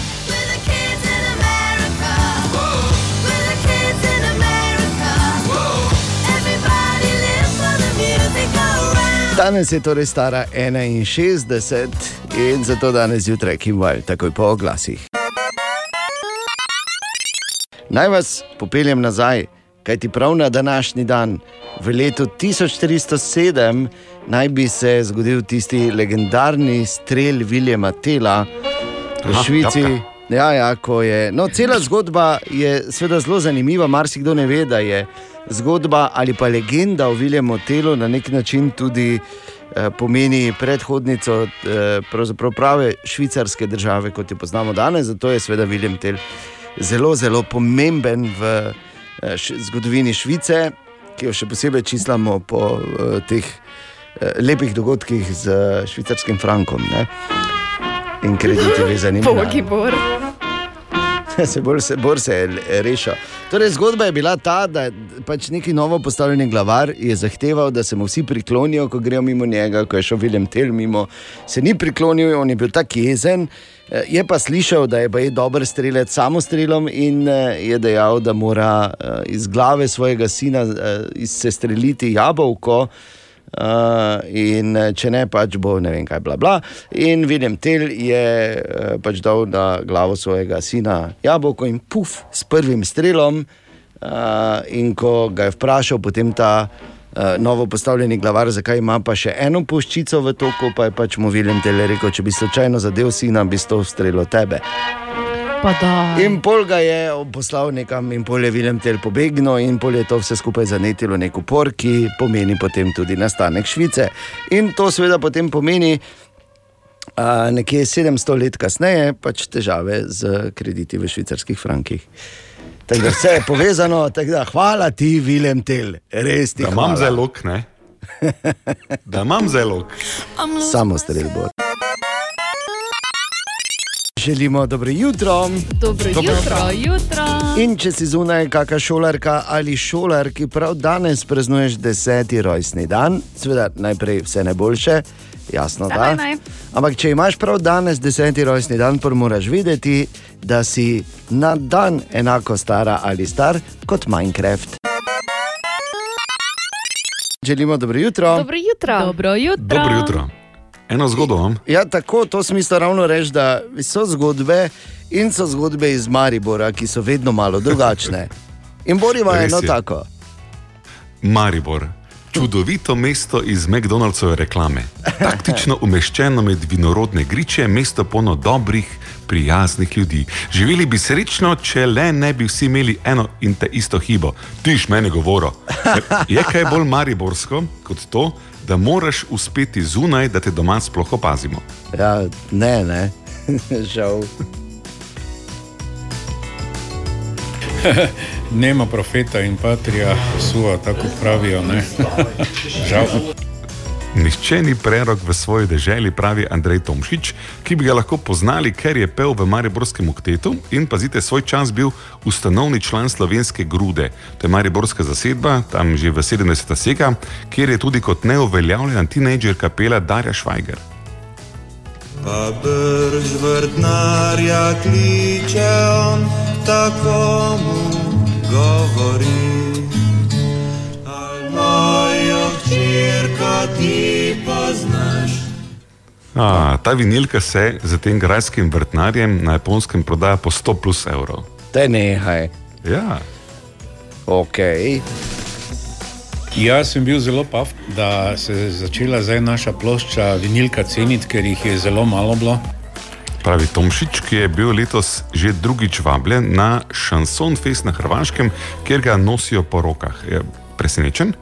Pa prvič sem bil pa res presenečen, zato ker a, da nekoga iz Slovenije povabijo a, in tam uspeš in te pohvalijo, to se mi zdi a, fenomenalno. Razlaga Tomšič. Šanson je le taka zvrst, eh, kjer eh, je prvenstvena poezija. In v poeziji mislim, da ne bi bilo fair, če bi se tekmovalo, moje je boljše od tvoje. Ne. Ampak sem vesel, da sem lahko prišel tja in izrazil svojo, uh, tisto, kar, kar, kar, kar pač sem imel za pokazati svetu v stihih. Evo, tu smo. Uspeh v tujini, zdaj pa bomo orali doma. Eh, jaz sem s to zvrstjo bolj za komorne zasedbe kot velike odre, pravi Tomšič, in na vprašanje, kaj bo zdaj, odgovarja. Da bom zlil na papir in v note tisto, kar uh, znotraj čutim. Potem pa bomo videli, kdo bo poslušal, če bo poslušal, ko bo poslušal. Jaz bom zelo vesel, da lahko to delim potem z tistimi ljudmi, ki jih to veseli in ki to znajo ceniti. Bodi to noč z menoj, da lahko zaspim. Bodi to noč z menoj, da se ne zbudim, Luni naj gre svojo pot. Hm. Zanimivo. In veliko In uspeha, seveda. Ja, pa čist mariborsko. Ja. Po več kot 100 evrov se vinilke prodajajo na japonskem. Ne morem verjeti. Uh, čeprav to je spet veš, lahko rečeš, čuj samo na japonskem, sem ful popularen. Samo to si lahko v 80-ih govoril, danes je vse prevedljivo. Tako da super, pa veliko uspeha. Istamo malo med zanimivimi naslovi in pazi, podjetje Meta, to vemo, je v bistvu uh, Facebook, samo se zdaj več. Preprijazno rečeš, ti moraš reči podjetje Meta. Meta! Meta, the end is near, meta. Ok, ne, pazi, je že oblikoval. vama čestitala. Ja, hvala. To je ta de- death metal moment. Ne? Na japonskem smo moderna, veš? Ja. Pa popularna, pa ful kupujejo na en LP. -je. Veš kak? Torej, uh, podjetje Meta, ki, ki dela tako imenovani metaverse, oziroma sporedno virtualno resničnost, oziroma virtualni univerzum, je že oblikovalo tudi rokavico, ne, očala tako že imajo, oziroma uh, se jih že da dobiti. Ne? Ampak zdaj pa so oblikovali tudi rokavico, s pomočjo katere boš lahko dejansko občutil objekte v virtualnem svetu. Ne, ne, mik, mik, ne. Veš,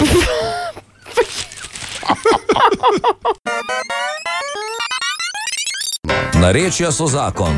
Ha, kva, koga, kaj? Ma ne razumem. Tako na Radio City podpiramo in nekako za mlajše rodove negujemo to narečno izročilo. Fra, po mojem bom dobil petko danes, ko pride. Za mlajše rodove negujemo to tradicijo. Nareči. Marko, dobro jutro, kaj smo na zadnje iskali? Dobro jutro. Zdravo. Na zadnje smo iskali narečne izraze za besedo lep oziroma lepa. Nataša Jalan iz Prlekije. Starih časih so rekli, pogledni, kak je ova pucala, gruba. Zdravo, jaz sem Petra, prihajam iz Šentilja in mi rečemo lep, oziroma vsaj doma rečemo lep, kak si pa ti hercik. Zdravo, jaz sem Tomaš, prihajam z Lotmerka, mi pa lepemo oziroma lepi rečemo, kaj je kredi. In še nekaj izrazov z Facebooka: šikana, lušna, lušna, lepa, lipa, dobra, lepa, šik, dojštra, gruba, fletna, pipe, fest, hercik in kokola ali pa kokolo. Kokolo, kokolo, kokolo, kokolo moj. V tem tednu pa iščemo narečne verzije te povedi. Čas je, da svoj avto spet preobujemo zimske pneumatike. Kaj pravite vi trije? Plavača, plebanoš in plišivec. Pliši. Pusti za to, da ni plesal na kokola, ponovi. Ja, veš da. Kaj si plesal? Ja, zakaj pa bi? ne, ja. Zakaj bi kokola, moral? vsi smo. Zakaj hejtaš? Ja, za- ne plešeš? Absolutno ne hejtam, indiferenten sem. Kakala, kakala, Ja, kakala. ja, lepotec moj, ne? zakaj bi na pesem, katere naslov je lepotec moj, jaz plesal, mi pojasniš? Mimo Ja, grede, moramo razlagati, sploh zakaj moral. Plešivec. Marko, kaj si nam rekel? Plavača je plavut, plebanoš je župnik, plišivec pa je plešec. No, pardon, prehitro sem te lahko letal. ne, ne, se imam že tu od spredaj, se mi plešivec, noter zajeda na čelu. Eh, no. Ja, ja. Jaz si pa res preveč samo kritičen. ti, pa, ti, tebi pa kot veš, tisti plebanoš, zadnji se ti dela. Plebanoš je okrog. Ne postavi, da so. Nareče so zakon vsak dan, sploh fras in medved še po drugi. Ha, koga? Ma ne razumem. Narečja so zakon. O, Tine! Dobro jutro, Tine. Kaj pa, aha, tu je, gled. Kaj pa. Kaj, kaj? Ja, Katarina. Kaj te? Martin. Si prišla? Katarina in Martin se srečata. To je tako kot zaplet. Cvetje veseni ja, dva ja, je to. Tako, tokrat se srečata Katarina in Martin, uboga Katarina. Ne, In na koncu ki- ugotovijo, da sta brat pa sestra. Ja, pa vse tako. Kaj pa je najbolj bizarno od vsega skupaj, da ko je rekel Katarina, sem za moment mislil, da mene misli. Ne? Takrat sem imela to debato o, o dveh gospeh, ki greta na trg. Ne? Ja, no, pač povem. O moj bog, Grajner, pa kak je to možno, no, Je, je. da res. vsako Ja, se jutro kaj znova. Pa kak je to možno, pa zdaj kak se vi kličete med sabo, meni je res vseeno. Ne, Pardon. Kap me bo, veselje. Ja, verjamem, verjamem. Mene, kaj pa nisem sploh udeležen. Rekel je Katarina, pa smisel, da mene. Za trenutek, Za sem mislil, trenutek sem se je znemiral, da je Katarina. A ne, nisem jaz. Ja, res, super. Hvala ti, Vera, bor, res. Kaj imaš za danes, Tine, za nas? Pazi to zdaj. Okay. Uh, mesto Barrow na Aljaski. ja. Komaj čakajo 18. november vsako leto in to je danes. To je danes. Ker 18. novembra v mestu Barrow na Aljaski sonce zaide in pride nazaj 23. januarja. Taj nehaj.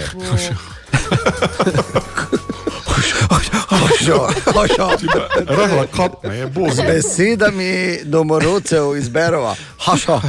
67 dni so v temi. Ne. Ja, uh, zdaj bi samo spomnil, na Aljaski, Katja. ja, res. Kaj pa lišaji, vprašaj raje. Ampak eh, Mislim, sobne rastline. ni sobnih Zna rastlin. biti, da vse, vsi bananovci pa kokosi umrejo. Eh, pa, Ni zemlje, sploh na Aljaski, ker je vse imajo. Plastika, samo plastika. Uh, bi pa samo zdaj na tem mestu upozoril, kar je zanimivo. Sicer ni bilo v naslovu tega filma 67, ampak 40 dni noči je naslov 40 Days of Night, fullover film, priporočam. Ja. Sploh če imate radi vampirje. Veš, kaj je tam? Ja. Zdaj. Uh. Tam, ne? Tam so, Čakaj, tam če, so. tam so ja. In če iščeš Edvarda, zdaj je tam od danes. Aha, aha, aha, aha, aha, aha, aha, efekt. Prosim, torej, če danes odgovorimo v celoti na zastavljeno vprašanje in da se ne dogajajo več ti zastoji. Torej, še drugi del vprašanja. Zdaj odgovoril je Bor včeraj na vprašanje Janje, da je razpon rok enak naši telesni višini. Kaj pa je dolžina stopala, ali je res enaka dolžini naše podlahti? Bor? Evo odgovora. Da. Pri tem bi se sva posipal s pepelom, ko sem šel poslušati včerajšnji posnetek in da ne moremo kriviti. To, ko govori človek v mojem terminu, da potem se jaz medem in dejansko ne odgovorim na vprašanje. Ne, zasral sem, nisem odgovoril, se pravi, čujem. Ampak lahko razložim, zakaj. Leonardo da Vinci, on je kriv. Aha. On je avtor um, Lomo Vitruviano, A, oziroma originalno. No. Ja, ja, ali pa originalno poznamo to pod naslovom, seveda, le proporcioni del corpo umano secondo Vitruvio, ne? Ja. oziroma uh, proporcije človeškega telesa, kot ga je narisal Vitruvius. In tam vidimo, da je Da Vinci uh, narisal pravzaprav kvadrat, ne? tam, ko so roke razširjene in tam, ko človek stoji ob um, sprednjem tekstu, v katerem vse piše ob tem, da treba boru verjeti, tega, da je hype fine in da treba poslušati Radio City. Panta skratka v tem, da ni na tej sliki gori narisane te podlahti. A. Ni. ni. Ampak kljub temu. Sploh ni. Ja, kljub temu mi vemo, da je podlahet približno dolga kot stopalo, je pa treba meriti tukaj pod zapestjem. Si meril? potem do komolc. Seveda sem. Tudi Ali jaz. imam isto? Seveda imam. Tudi jaz. Pač Dan in jaz smo po Vitruviju, ne tipična predstavnika popolnega okay. človeka.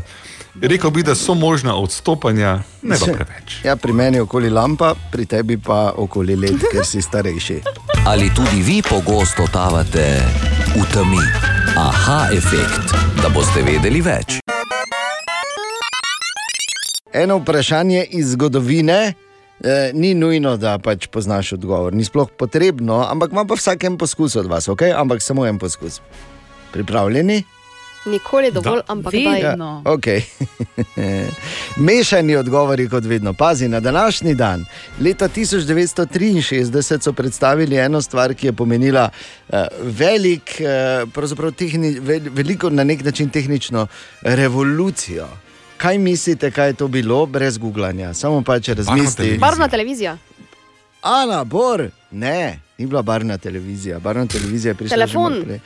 Telefon, kaj Če ima telefon. en poskus, vsak. En sam. poskus, Ja, vidva sta svojega? Ti pokurila. Izduvala smo svoje. Res je, Katja, izvoli. Uh, ne vem. Da reče mobitel, pa gremo dalje. Ne, pa kaj si hecna, to že pa res ni bilo leta 1963. Nehala si za poskusi. Katja, Trdi disk. trdi disk.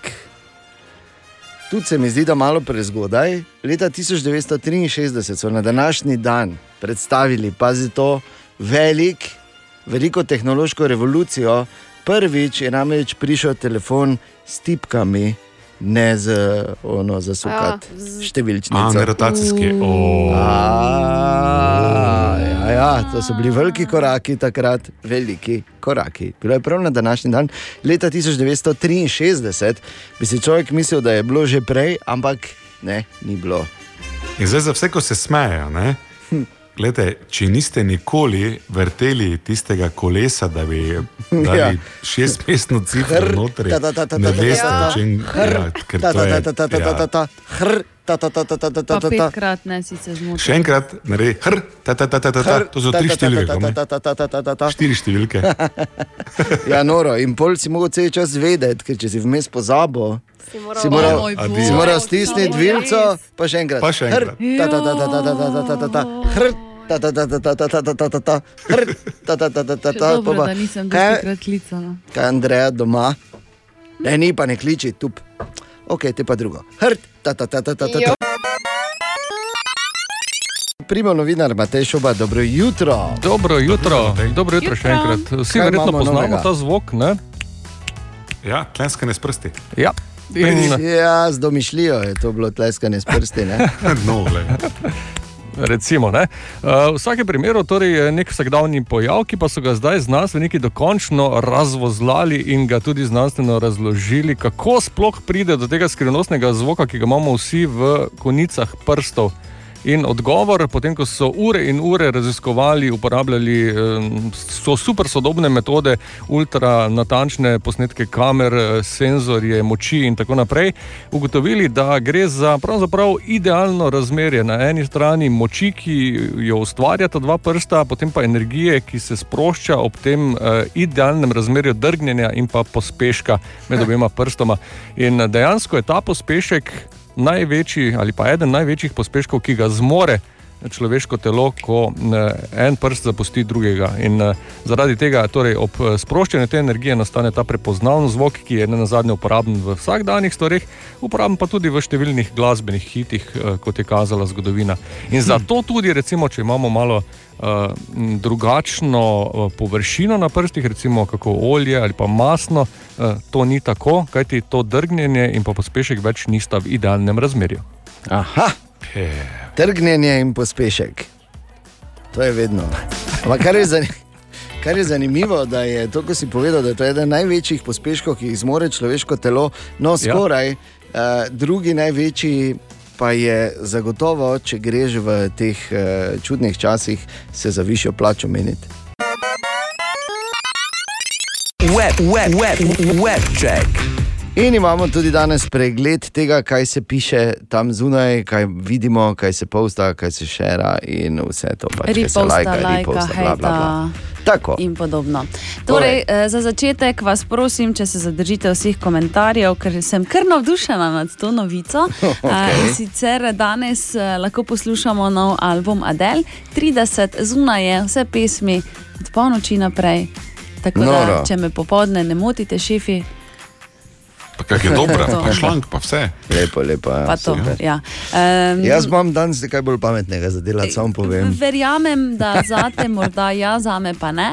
Eh, No, je pa mimo grede Adele eh, na intervjuju z Johnom Mayerjem povedala, oziroma mu priporočala, da se vseeno poroči, ker čeprav se njen zakon ni končal najlepše, je za njo to še vedno nekaj najlepšega, kar se ti lahko v življenju zgodi. A, čudovito. Bi samo na kontra kratko novico dal, Nora Jones ima novi božični album zunaj v lesvici ali pa na lesvici jazz albumu, je trenutno nekje na prvem mestu za pogledati ja. in poslušati. Super, hvala Okej. lepa. Nadaljujemo, uh, sicer eh, Nora bi Jones. še enkrat eh, lepo čestitala vsem moškim danes ob eh, vašem dnevu, ampak imam Ja. vseeno dve novici Hvala. za ženske. Um, Emily in Paris, torej serija, ki si jo lahko ogledaš na Netflixu, prihaja njeno nade- nadaljevanje in sicer uh, lahko si ogledaš že trailer druge sezone. Pa potem recimo, kaj ženske letos nosimo, uh, katere čevlje, kateri čevlji bodo oziroma so in to sezono obvezni monokromatski škornji do kolen, bele ali bež barve in pa seveda debelejši podplat. Mm. In pa Snapchat uvaja novost in sicer lahko po novem zajameš fotografijo vsebine hladilnika in potem ti na Snapchatu povejo, kaj lahko skuhaš. Sicer zadeva ni najbolj nova, ampak um, me, obstaja že aplikacija, no, ampak Ja. tam si vpisoval, kaj imaš vse v hladilniku, tukaj pa Mm. samo poslikaš. In umetna seveda- inteligenca naredi svoje. Ne? Tako, in seveda gre veliko stvari na robe. Češnjev paradižnik so recimo češnje. Ne? Lepo. Ja. Pa še na en češnjo paradižnik na smetano. Ne? Recimo, ja. Ne, ampak je pa, mislim, se fajn, da so te aplikacije, za bomo rekli, manj izkušene kuharice in kuharje. Ne? Mi, šefi, vemo. Ko pogledaš in ne veš, kaj bi, jajce. Webcheck. Kaj, če bi recimo pač si rekli na neki točki, gledaj, imam vrh glave vsega, jaz pa grem na vlak. Sicer vlaki zvenijo malo drugače kot ta arhivska Luka Matija, ki je zdaj mimo peljala pravkar. Ampak. Ne vem, če ste vedeli, in se mi zdi pomembno, ker je seveda, sploh če imaš male otroke, potovanje z vlakom eh, ali pa vožnja z vlakom, vedno posebno doživetje. Ne zdaj, da bi kazali na nekoga ali pa dajali bisere, metali tistim, ki imajo dve leti staro hčerko. Recimo, ne? No, eh, jaz sem absoluten fan vlakov, dejan, samo pač žal ugotavljam, da v Avstriji so vlaki kar v redu, pri nas pa nisi fejs zgrešil. Dolgo že, puha, veš. dolgo že nisi bil ne, na vlaku, ker imamo en kup enih novih vlakov, ki so res super na naših eh, železnicah. In prav vsak je čez vikend, ob vseh ostalih popustih, ki jih pri železnicah pripravljajo, deležen 75-odstotnega popusta na vozovnico, ne glede na starost ja, in ne glede na izbran cilj potovanja. Torej, Sara, kakšna je zdaj situacija? Povej, koliko voženj je v povprečju opravljenih, da nimo iz naše železniške postaje. Dobro jutro. Zdravo jutro. V povprečju naštejejo več kot pol milijona potnikov, 550 tisoč, kam se najpogosteje odpravijo, razlaga Primoš Kokal iz slovenskih železnic. Se največ potnikov pripelje na progi proti Pragerskemu, celju Ljubljani in Kopru. Proga Maribor Šentil, pomembna vsekakor zaradi mednarodnega prometa eh, za Avstrijo in naprej. Eh, Ne smemo pozabiti tudi na progo med Mariborom in pa med Pliberkom. Priljubljena je tako za prevoze na delo, no zadnja leta eh, pa se aktivno razvija tudi turizem o progi. Ker pa smo tukaj, da pomagamo pri kakšni luškani odločitvi, prilagamo še par idej za izlet pod krajšanje časa. Sogovornik glede na letni čas in prihajajoče praznike izpostavlja praznično okrasitev v večjih mestih. Za celjem, za koprom, tudi v Radovlici. Konec koncev lahko se sprostite tudi v številnih termalnih zdraviliščih, kjer pa z tem, ko pokažete vozovnico od vlaka, uveljavljate še dodatne popuste. Eh, V zimskem času ste definitivno pravili še tudi Bled in pa Bohin, ne smemo pa pozabiti tudi na Postojnsko jamo ali pa recimo tudi na Vojaškem muzeju v Pivki. No, potem je tu še nabor mednarodnih povezav. Do Trsta lahko z vlakom pridete za 8 evrov, čez vikend, ko imajo to super akcijo, pa do celja za evro in pol. Ja, prav ste slišali, kar je nič glede na cene benzina. Zdaj nehaj, seveda. Evro pa pol do celja. Tako, tako da nič, če je treba iti celje, Rdovlico, na Bled, morda celo v Trst, Koper, kamor v Blajburg, oziroma če treba. kamorkoli Veš, rečeš. kaj gledam? Gremo, samo jih lepo pobašeš, družina, gremo na vlak. Lepo, ne? greste. Kaj gledaš, Bor? Temo bi rekel, ne? Bor je že gor. veš. Ja, ja, okay, pardon, odpeljala ga je lokomotiva. Ja, Bor, šel je. Bor, adijo. Želimo dobro jutro. Dobro jutro. Dobro jutro. A, in moram reči, da se mi je, ko sem to prebral, prav milo se mi je storilo pri srcu, ko sem prebral, da lahko v Liverpoolu na univerzi eh, po novem, oziroma v naslednjem letu lahko študiraš tudi bitle. Wow. Ja, ja. Res je, da bi šel človek nazaj v šolo. Ne? Kar me pa je sicer spomnilo na čas, kako smo mi v bistvu študirali bitle. Moram razložiti mladim, ki ne razumejo, to je bil čas pred internetom. Ne? In mi smo bitle, zato da smo lahko izstopali ali pa pač nastopali eh, na kakih čagah ali karkoli že. Ne? Smo Mhm. jih študirali tako, da si pač, če si imel srečo, si dobil kje fotokopirane kakšne akorde, drugače pa si čepel s kitaro zraven stokrat na novo, na plošči, seveda, na LP-ju. Slušal in iskal akorde, in se na tak način učil. Si, če si imel srečo, si imel na plošči napisana tudi besedila, drugače si si moral tudi besedilo napisati, zdaj kak si razumel, pa kaj nisi razumel, pa kak si bolj prav znal. Ne? Tako so se, ja, ja, tak so se študirali bitli v enih čisto drugih časih, pred 30 leti. Sploh si ne Da, znam sem gledal Yellow predstavljati. Submarine eh, film na dvigne roko. Mhm. Jaz. Če pač gremo ja, počasni doktorat, ostali pa, ja, gledaj, učiti se je Ja, treba. Učiti se bo treba, ne? In jaz bi samo povedal, če že delajo, oziroma imajo program za bitle, bi morali imeti en semester, samo da bi jim vzeli mobitele, pa vse, pa internet, pa se učite, pa jih študirajte, tako kot se zares študira glasbenik, in pol se vzpostavi izjemna vez no, med uh, glasbo, med umetnostjo in posameznikom. In bitli so res v bistvu eden največjih zakladov v zgodovini človeštva, brez nadaljnega. Ja, pa kaj pa te to? Ja, glej, glej, glej. Ja, kaj bi ta podlaga ja, kaj pa pomenila? te to je? Petek, skoraj nemogoče vprašanje. Aktualna šampionka Katja, zmagala na zadnjih treh zapored in to z lahkoto. Naj že vnaprej povem, Bor, danes morda, morda nekaj pridnosti za Ano in Katjo, glede na tematiko. Mislim, Pa se ti to zdi primerno? Ja. Mini vodstvo. Ja, seveda. Ker mi na mednarodni dan moških mi eh, še bolj kažemo, kako mi gledamo na ženske. Vi dajete, razumem, ne, in dajemo. Za- Absolutno v eno. Radi dajemo. Res je, kar za vse ne bi mogli trditi.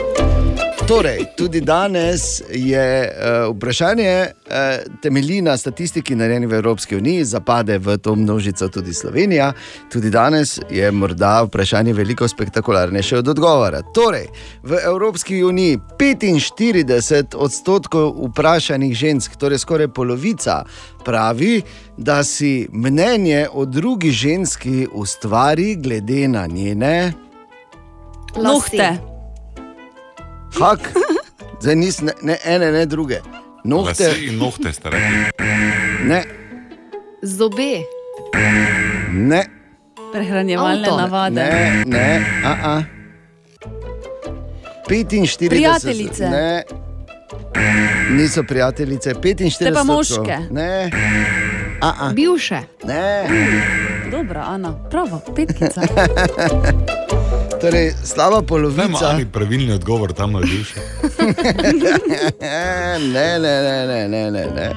Torej, kaj boste rekli? Slaba polovica. Torej. Slaba polovica. Kaj je vizualno? Mislim, kaj ti bom zdaj razlagal? Če Je ti bom rekel lahko. vizualno, bo. Ne, pač ne. Torbice. Ne. Čevlje. Ru... Bravo. Katja, ja, pa gledaj. Rute, reč naslednji. Četrti Rute. Vem. Slaba ženske. polovica žensk si mnenje o drugi ženski ustvari glede na njene čevlje. Zanimivo. Dobro, ne? Ampak hočem povedati samo Ampak to. logično. Še enkrat Logično. več, še enkrat več. Bravo, Katja. Hvala, hvala, hvala. hvala. Četrtič ali petič zapored, že niti ne znam več tako dolgo, oziroma tako daleč šteti. Uh, kot kaže, pa se je tezensko meso dalo v tunko, ker uh, ni več nekih, Zima je, da, ni več zima je. zmag, ni več zmag, Ana. Dobra, mali in stari. Podcast jutranje ekipe.